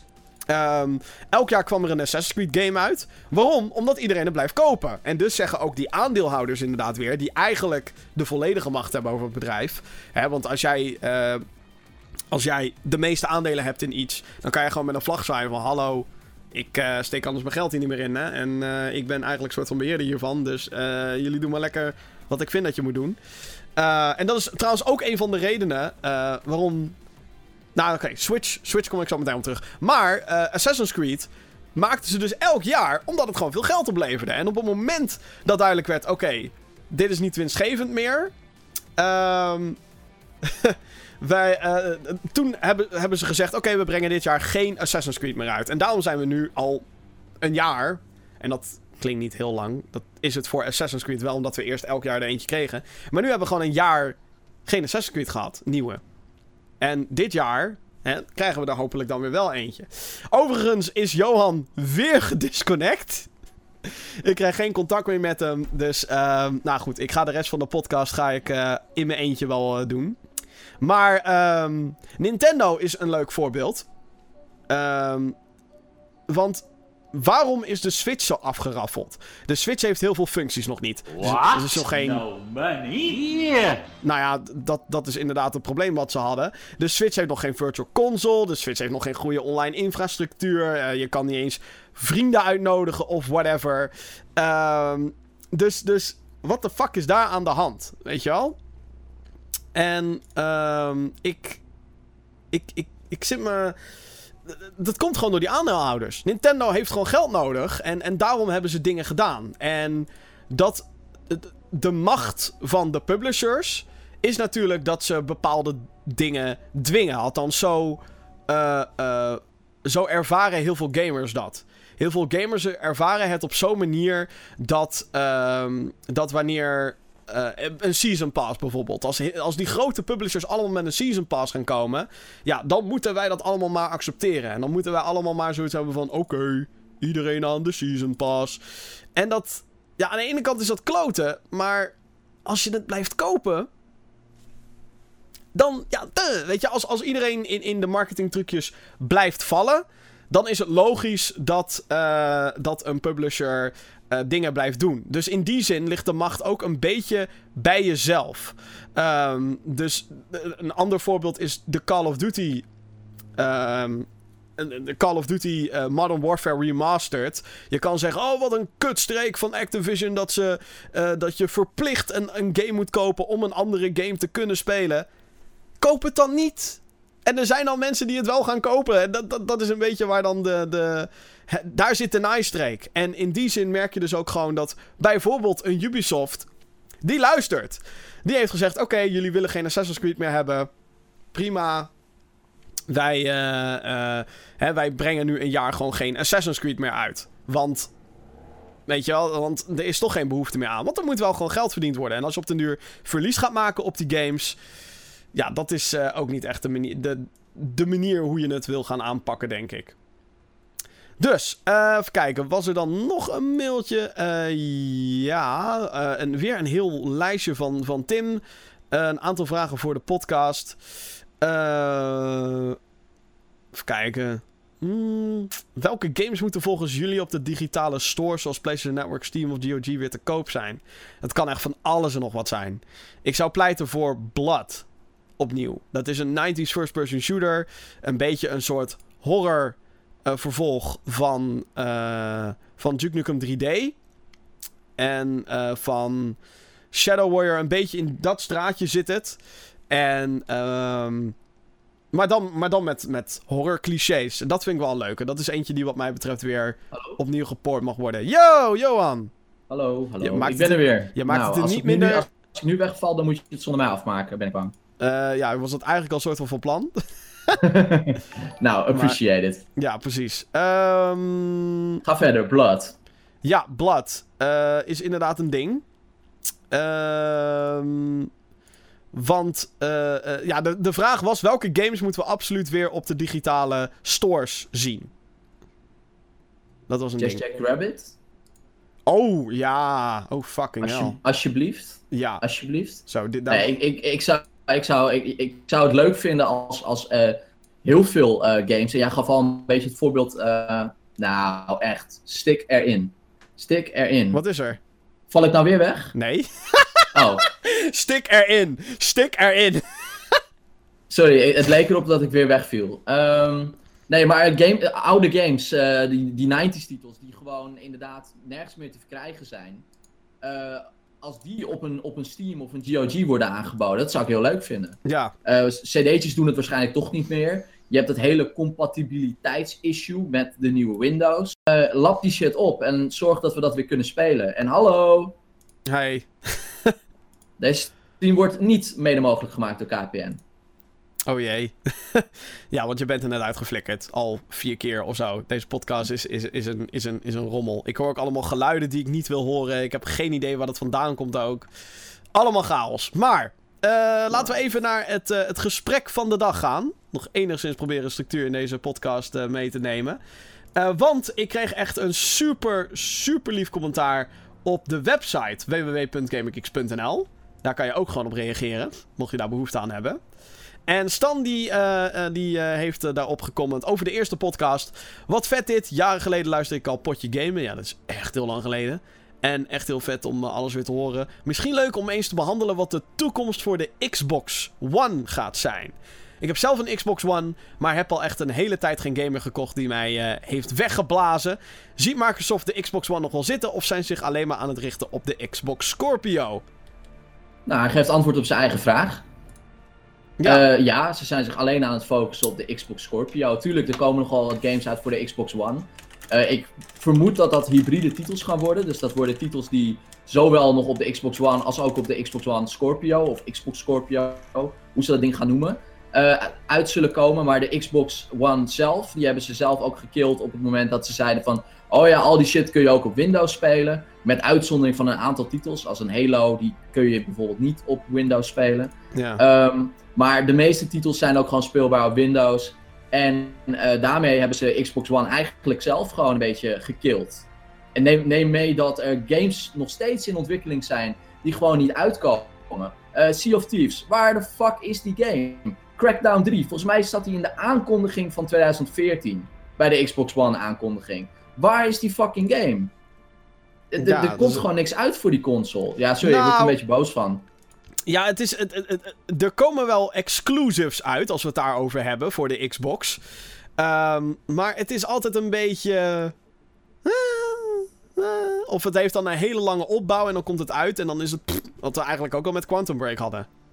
Ja. En dat is denk ik het grote probleem waar. Uh, waar Xbox of Microsoft eigenlijk, mee kampt. Uh, elke keer als zij een game uitbrengen, de afgelopen generatie is echt een drama voor hun geweest eigenlijk. Uh, ja. begon natuurlijk met de valse start van Xbox, de Xbox One. Uh, in Nederland? nee, de aankondiging van de Xbox One. Oh, ja, dat ja, alles ja, televisie, televisie, televisie, televisie. En hey, alles is DRM. Dus als je nu een game tweedehands wil spelen, ja, gaat niet. Dan moet je betalen. Waardoor iedereen zo zat van. Wat? Oh ja, die altijd online. Wat? Wat? Wat? Ja. En toen kwam PlayStation natuurlijk met. Je hoeft bij ons niet online. Je kan bij ons gewoon game. Nou, dat, dat was het einde van deze consoleoorlog. Eigenlijk toen al. Het werd in 2013 ja. al bepaald, notabene. Maar, um, dus dat hebben ze niet mee gehad. Nou, ze hebben wel een paar goede moves gehad. Weet je wel, backwards compatibility erbij. Dus je kan een aantal, niet alles, aantal Xbox 360 games kan je op je Xbox One spelen. Ja. Um, en die kan je ook digitaal kopen en zo. Dus dat is super slim dat ze dat hebben gedaan. En ik vind zelf de move naar Windows 10 vind ik slim. Um, omdat, hé, hey, je hebt geen Xbox. Nou, als je dan dingen via onze digitale winkel koopt, kan je alsnog wel die games spelen. En waar haalt een bedrijf het meeste geld uit? De consolebedrijven dan uit de games. Niet eens uit de hardware zelf. Het gaat erom dat jij games koopt voor de hardware uh, die je haalt. Um, en digitaal is nog, natuurlijk nog aantrekkelijker, want dan heb je niet al die productiekosten en gezeik. En uh, de, de, de, de, het aandeel van de retailers die dan natuurlijk op dat moment wegvalt. Uh, Dus voor, voor een consolebedrijf alleen maar interessant. Dus daarom een, een, die Windows 10 Store is gewoon super slim. Alleen het probleem voor, van de Xbox One is geweest... Hè, het begin de marketing. De televisie, televisie, blablabla, Connect 2.0, waar die niemand wilde. Um, en natuurlijk inderdaad de vertraagde launch over meerdere landen. De fucking Xbox One kwam in Nederland bijna een jaar later dan de PlayStation 4 uit. Heel later. en, en Sony heeft alles slim aangepakt deze generatie. Alles. Ze hebben gezegd: hey Activision, hier is een zak met geld. Call of Duty is nu van ons, soort van. Dankjewel. Call of Duty is nog steeds op de Xbox. Maar Sony heeft alle marketing en al dat soort shit hebben ze gejat eigenlijk van Microsoft in die zin. Ja. Uh, en, en, daar hebben ze best wel veel geld aan betaald voor, aan, aan Activision. gewoon, die, die twee liggen nou bij wijze van met elkaar in bed. Want ook Destiny wordt uh, hevig gemarket op PlayStation, terwijl die ook op de Xbox is. Uh, en, en daarmee hebben ze gewoon heel veel gunfactor ook gewonnen. Bij heel veel gamers.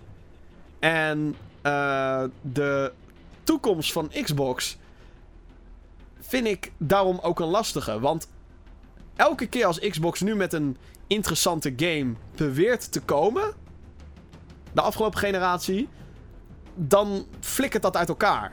Quantum Break, Sunset Overdrive. Ja, prima, aardige game, maar ik hoorde niemand. Hoorde ik achteraf, oh my god, die game is geweldig. Hier moet je een Xbox... Nee, die games zijn er gewoon niet. Nee, het, eh, zijn, het zijn geen system sellers. Nee. Dat, dat, dat, is het probleem. En uh, uh, als ik dan ook kijk naar de toekomst, en denk ik van welke IP's heeft Xbox? Nou, dan heb je de obvious ones. Je hebt uh, Forza, je hebt Halo. nou ja, dat, dat, zijn ze. Gears natuurlijk. Ja, maar zelfs Gears en Halo, die zwakken af. Qua... goed gedaan, ja. Die, die zwakken af qua populariteit. En in die zin is Microsoft waarschijnlijk nou, ze, ze hebben wel een plan, ongetwijfeld. Maar ik denk dat ze een paar jaar echt. Nou, afgelopen jaar hebben ze sowieso in paniek gezeten. Want als Halo, Halo 5, als die over het internet alleen maar een teleurstellend geluid heeft. Want iedereen zat van ja, Halo 5. Dat is een beetje wat de toon die de game had toen het uitkwam. Dat ik zoiets van. Dat is raar. Het is Halo.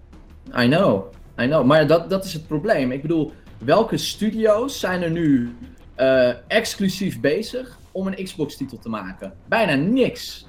Uh, en al, alle multiplatform-titels, ja, die kun je ook op de PlayStation spelen. Dus waarom, en dan spreek ik natuurlijk als PlayStation-eigenaar, whatever. Maar waarom zou je dan niet gewoon een PlayStation kopen? Want dan heb je en een, een reeks aan vette exclusives. Want er zijn echt duizenden studio's op dit moment bezig om een PS4-only game te maken. Ja. Um, en je krijgt eh, bijvoorbeeld ook de, de Call of Duties en de Destinies en de FIFA's en de weet ik veel wat. Die kun je ook allemaal spelen. Dus waarom zou, waarom zou je inderdaad een Xbox halen? Dat, is, toch, dat is toch gek? Ja, maar zeker met die, uh, met die Windows 10 uh, slash PC uh, cross-platform buy meuk. Ja, prima. Ik hoef nou geen Xbox meer te halen, want ik kan al die games gewoon spelen op mijn PC'tje hier. Sea of Thieves, Record, twee games die ik alle, alle twee nog wil gaan spelen. Allemaal Xbox-titels kan ik gewoon op mijn PC spelen. Nou, Dead, Rising, Dead Rising 4.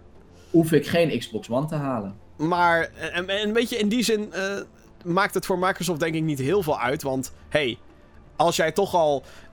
Het, is zeg maar. Wat, wat daar slim aan is, is dat het. Wij zouden toch al geen Xbox kopen voor die games. Dat klopt. Denk ik. En. Nee. Uh, ik bedoel, en, en nogmaals, aan de hardware verdienen ze niet heel veel. Dus dat ze dan. Uh, hè, dat ze dan alsnog wel dat geld binnenhalen door dat soort digitale aankopen. Dat is alleen maar goed. Alleen, hoe zit dat met straks? Want hè, de E3 krijgen we, daar krijgen we alles te horen over de Project Scorpio. Dat is nu de werknaam van de Xbox. Mhm. En dan is natuurlijk de vraag: wat is het? Is het een upgrade van de Xbox One? à la PlayStation 4 Pro? Of Mhm. is het de nieuwe, generatie Xbox? Xbox. En ik denk dat laatste, althans, dat zou slim zijn. Want die strijd met PS4 en dat hele Xbox One, dat moeten ze loslaten. Dat is klaar, dat is finito. Ze hebben er best wel veel verkocht. Het gaan er niet heel veel meer worden, denk ik. Nee. Dus laat dat gaan. Project Scorpio wordt Xbox. Whatever. 3, 3, 4, 2, technisch. Xbox. 7. Of het. Hey, wacht, het wordt de vierde Xbox. Xbox 4K. nou, whatever. Nee, Zo- maar wat jij zegt klopt. Dit wordt, hun, dit wordt gewoon hun nieuwe console. En dat zou heel slim zijn, want dan heeft Microsoft eindelijk weer een keer een voorsprong. eh, voordat eh, Sony komt met een nieuwe PlayStation. ja, de vraag is natuurlijk. eh, in hoeverre gaat Microsoft. Want de PlayStation is on a roll, hè? De PS4. Nog steeds. En Niet. er komen nog zoveel goede games uit voor de PS4.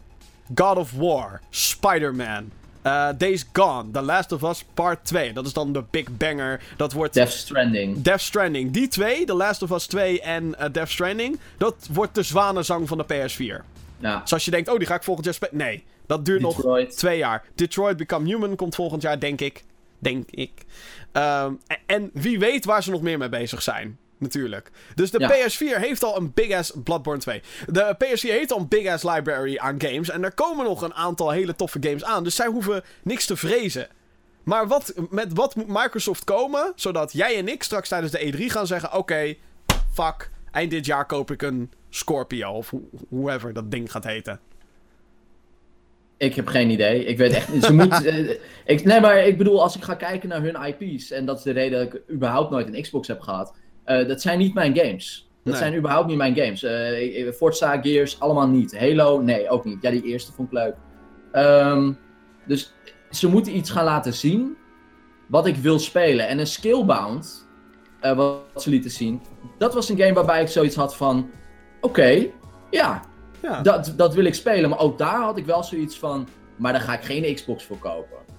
Dus Ja. wat, ze, wat ze gaan laten zien moet wel fucking bijzonder zijn. Of ze moeten nu zeggen van. Oh ja, hey, eh, toen met eh, Rise of the Tomb Raider hadden we hem exclusive tijdelijk.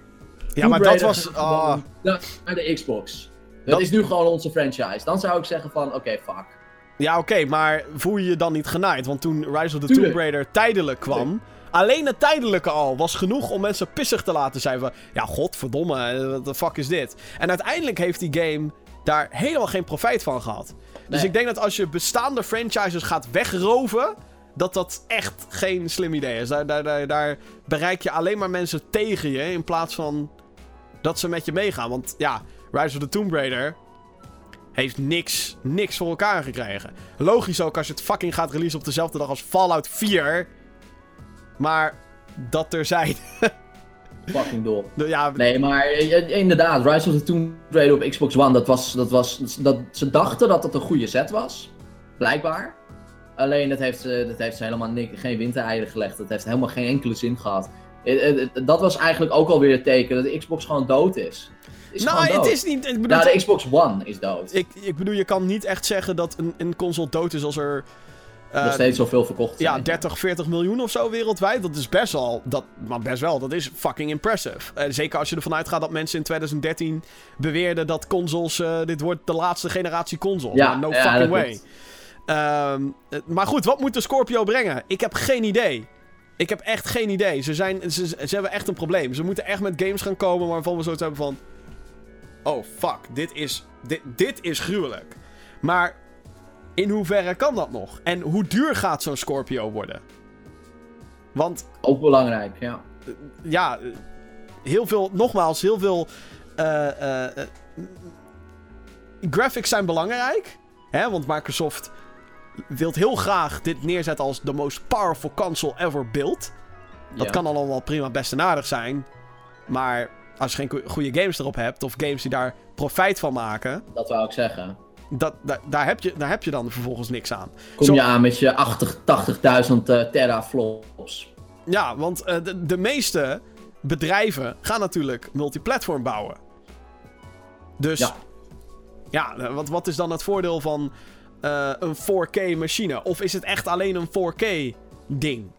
Wat ook niet heel veel nut heeft, want hey, hoeveel mensen hebben nou een 4K-televisie al? Dat is ook een kleine nee, kleinere marge. Is niet zoveel. Nee, dat klopt. Dus in die zin uh, uh, ben ik zelf ook gewoon heel huiverig voor de toekomst van Xbox. En ik wil dat ze het goed doen. Ik wil echt. Ik, ik heb nooit een Xbox gehaald. En dat, en dat is heel raar gezien mijn status als gamergeek. Maar ik heb elke keer zoiets van, ja, weer 400 euro naar de galamiezen. Ja, nee. Nee. Ik, ik, ik speel het wel of op PlayStation of op PC. En die paar games, inderdaad, die skip ik wel. En nu hoeft dat ook niet meer, want dat kan allemaal op de PC. En het, na of als het naaiende, het vervelende nu voor ze is, voor mensen zoals jij en ik, die nu zoiets hebben van: oké, als ik een Xbox game wil spelen, doe ik dat via Windows 10 Store, whatever. Dan, dan, dan, dan bijten we in die zure appel die de Windows 10 Store heet, wat een fucking verschrikkelijk is. En dan moet je misschien ook maar een beetje accepteren dat de PC-poort niet helemaal goed is. Maar hey, dat is ook weer een discussie apart. Die van Gears of War was trouwens fucking goed, die PC-poort draaide als een zonnetje. Fantastisch. Leuk spel ook. Um, maar als ze dat nu gaan wegnemen, omdat het een nieuwe generatie is, dan heb je ons weer tegen je. Ja, nee, dat klopt. Dus het lijkt alsof ze. Het, het, wordt heel, het wordt heel interessant. Het wordt heel interessant. En natuurlijk de strijd met PlayStation. Dat. Uh... Ja, ik. Uh... Ik weet het niet. Ik, ik, ik zou heel zenuwachtig zijn als ik Microsoft was. Maar aan de andere kant ben ik ook wel heel erg benieuwd. Want ze hebben plannen. Maar wat die plannen gaan zijn. Wie weet. Nobody knows. Nobody fucking knows. Dus ja, wat is de toekomst van Xbox in één zin, Johan? Geen idee. Twijfelachtig. dat is wat mij betreft uh, dingetje. Gaan we naar het, uh, het, het onderdeel van Gamer Geeks. Waarbij we even een diepe. De Hall. Geen idee of het goed is gegaan. De Gaming Geeks Hall of Fame waarin we games bespreken waarvan wij zoiets hebben van... Dit uh, maakt niet uit hoe oud of hoe nieuw of wat voor genre of, of, of op welk platform. Dit moet je absoluut spelen. En Johan had een fantastische uh, uh, suggestie voor deze week. Um, nou, kom maar. Wat, wat, wat, wat is de game wat jou betreft? waarvan jij zoiets hebt van, eh, als je dit niet hebt gespeeld, what the fuck. Ben je een idioot. Ja. Middle-earth Shadow of Mordor. Wow. Want waarom niet? Natuurlijk komt uh, Shadow of War komt eraan. Uh, 25 augustus, 28 augustus. Eind augustus. Uh, dus dat is sowieso een reden om deze game op te pakken en hem dan nog even te gaan spelen. Want dan kun je meekomen met het verhaal. Mm Middle-earth, nou als je een beetje Lord of the Rings fan bent, dan klinkt dat als een bekend gebied. Dat klopt. Dit is een Lord of the Rings game. Uh, deze Lord of the Rings game die maakt alleen geen gebruik van de, de filmlicentie, maar meer van de, van de boeklicentie. Ook van een aantal boeken waar geen film van is gemaakt. de Silmarillion, ik kan het niet uitspreken. De Tolkien Stories. Inderdaad, die, die losse Tolkien Stories, die, daar wordt ook um, inspiratie uitgeput. En ja, voor de rest is het gewoon, en het vind ik wel heel grappig, want ik schreef dit op. En toen moest ik aan Horizon denken. En toen dacht ik oh. weer aan Middle, Middle Earth. En toen dacht ik, fuck, het is ook, het is eigenlijk gewoon Horizon. mm ja. Even heel, heel, heel plat gezegd. Maar dan in het, in het Middle Earth universum. Ja, ja, op het moment dat ook de gameplay van Horizon Zero Dawn werd onthuld, was het van, oh hey, dit, dit, dit doet me denken aan Middle Earth Shadow of Mordor. Ja. Beter. Uh, want... Ze hebben ook toegegeven hè, bij Guerrilla dat ze onder andere uh, Shadow of Mordor en Tomb Raider hebben gebruikt als uh, inspiratie om Horizon te maken. Ja. Dus het is niet zo gek. Ja, ja nee, want, nee, het, um, het, het, want het is dus een open world game. Ja. en je speelt als een guy die heel erg lijkt op Aragorn, maar hem net niet is. Talion. Talion. En... en die is half mens en half geest. Ja, want er is dus zo'n elven wraith dat possessed hem of zo. Of dat, dat is met hem samengevoegd. Ja, uh, zijn hele familie is uitgemoord door de orks van Mordor. En uh, wat deze game zo godschuwelijk goed maakt, is dat het allerlei elementen pakt. Een beetje zoals Horizon Zero Dawn het ook heeft gedaan. Allerlei, oh ja, dit werkte goed in die game. Dit werkte goed in die game. Pleur het allemaal bij elkaar. En dat dan in een Lord of the Rings sausje. Met wel die. Uh, wel, ik bedoel, je zegt dat ze niks uit die film hebben gehaald. Nou, het design is wel heel erg van de Peter Jackson trilogy. Ja, nee, dat, dat hebben ze zeker gedaan. Qua hoe die uh, orks eruit zien en hoe ze praten en, en dat soort dingen. Tuurlijk, tuurlijk. Wat, wat ik zelf zo tof vind van, van die game, um, is dat je je daadwerkelijk sterker gaat voelen op het moment dat je upgrades gaat halen. En de controls worden dan ook steeds ingewikkelder, want je kan op een gegeven moment zoveel dingen doen dat je denkt...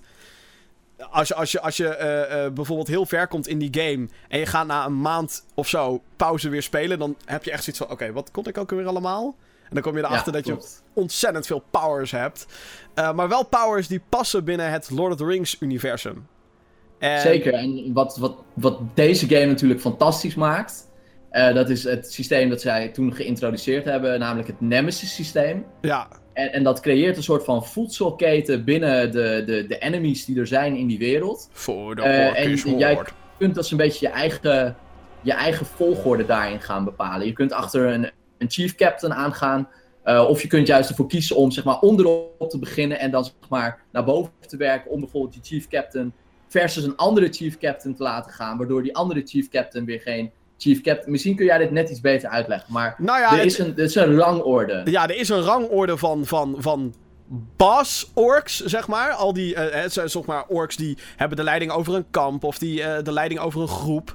En uh, al die type orks, die hebben een bepaalde powers ook. Want je hebt insta-kill moves, je hebt stealth-kill moves. Uh, en deze orks hebben vaak zo'n ability van... Oké, deze kan niet geïnsta-killed worden. Of deze is extra resistant of damage. Of deze doet extra damage. En um, op het moment dat je dus inderdaad zo'n ork slacht... Dan komt er een andere voor in de plek. Uh, of uh, hè, je, je, je loopt inderdaad die hele rangschikking van orde loop je kapot te maken. want een orc chieftain of zo moet opgevolgd worden. Nou, daar komt bijvoorbeeld een zwakkere voor in de plek. Of, wat heel erg tof is, en dat is eigenlijk waar dit hele Nemesis systeem echt shined inderdaad. Je kan ze tegen elkaar opzetten. Je kan zeggen, oh hé, hey, uh, deze ork heeft dit aangevallen. Of je kan ze overnemen met bepaalde elfish powers. Zodat je ze daadwerkelijk naar elkaar toe kan laten sturen. En uh, het is iets wat, je, wat, wat best wel lastig is om uit te leggen, vind ik. Maar ja. het, het, je creëert eigenlijk mini-verhaaltjes binnen zo'n game. Want ook als je verslagen wordt door zo'n ork, je wordt doodgemaakt, dan wordt die ork sterker. En als je dan volgens weer tegenkomt, is het van... Ik dacht dat ik jou fucking had doodgemaakt, lul. En dan ga, ga je weer tegen elkaar vechten. Het kan natuurlijk ook zijn dat uh, zo'n ork-character, zo'n nemesis-personage, dat kan vluchten. En als dat eenmaal gebeurt, hè, dan dan kan hij jou daarna ook weer tegenkomen. Of jij kan hem tegenkomen. En het is allemaal. Uh, uh, het, het, het, is wel een beetje een overrated systeem, vind ik zelf. Want iedereen kan het alleen maar over dat Nemesis systeem hebben. Ik vind het gewoon heel tof dat je mini-verhaaltjes op die manier inderdaad creëert. En dat je een beetje als soort schaakbord kan je zeggen: hmm, als ik nou eerst die guy uitschakel, dan kan ik die tegen hem gebruiken. En dan hè, is dat allemaal gefixt. En dan kan ik vervolgens door naar die en die en die. Het is een beetje een extra planelementje. Maar wat het gewoon zo goed maakt, wat mij betreft, is de, um, de bewegingsvrijheid in die game. En dat je overal kan gaan en staan waar je wilt. En dat, dat die guy dat ook gewoon kan, zonder problemen. Zonder dat je zoiets hebt van: dit werkt niet goed. Nee, alles werkt gewoon lekker. En de momenten waarop je dan inderdaad met een aantal gemindfuckte orks een ander orkkamp gaat aanvallen. En er staan vervolgens geen ik overdrijf niet. Die engine kan het handelen. 50 orks tegenover je.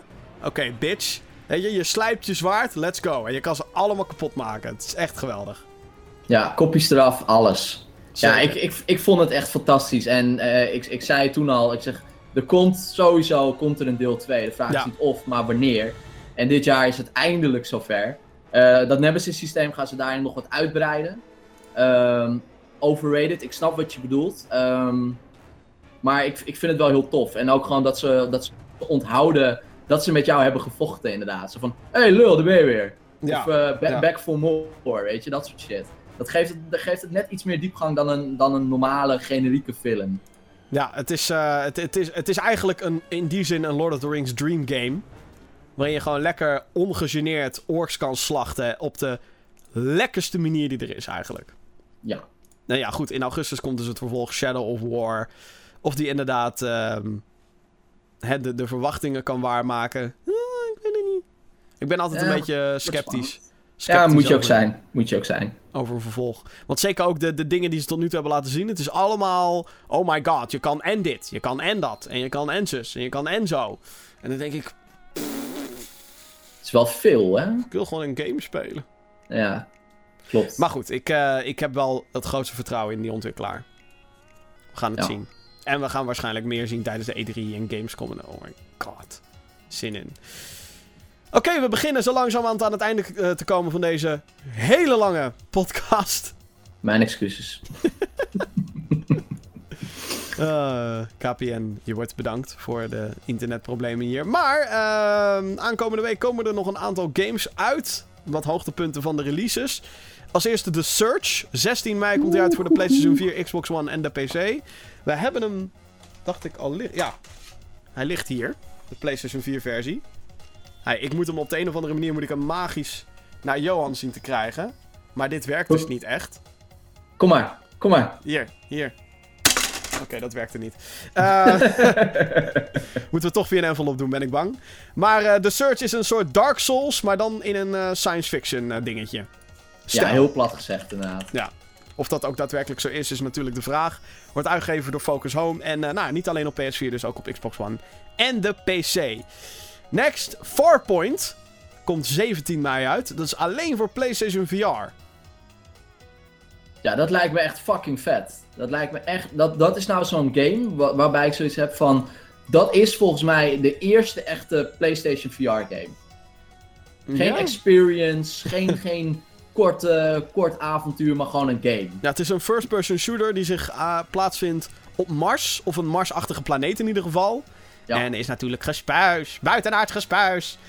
En knallen. Ik ben me ook zeker benieuwd of het gaat werken. Ik hoor, als het gaat om volledige PSVR-games, hoor ik alleen maar positieve verhalen over Resident Evil 7. Hoe dat werkte en uh, hoe dat in elkaar zat voor VR-mensen. Oké. Okay. Ik weet alleen wel... Ja, en, je, en je krijgt die aim-controller erbij. Uh, bij, uh, oh ja, zo'n plastic... dat je een beetje dat effect krijgt alsof je een plastic geweer. Weet niet of dat een groot succes gaat worden, maar we gaan het zien. Klinkt wel als een gigantische investering dan.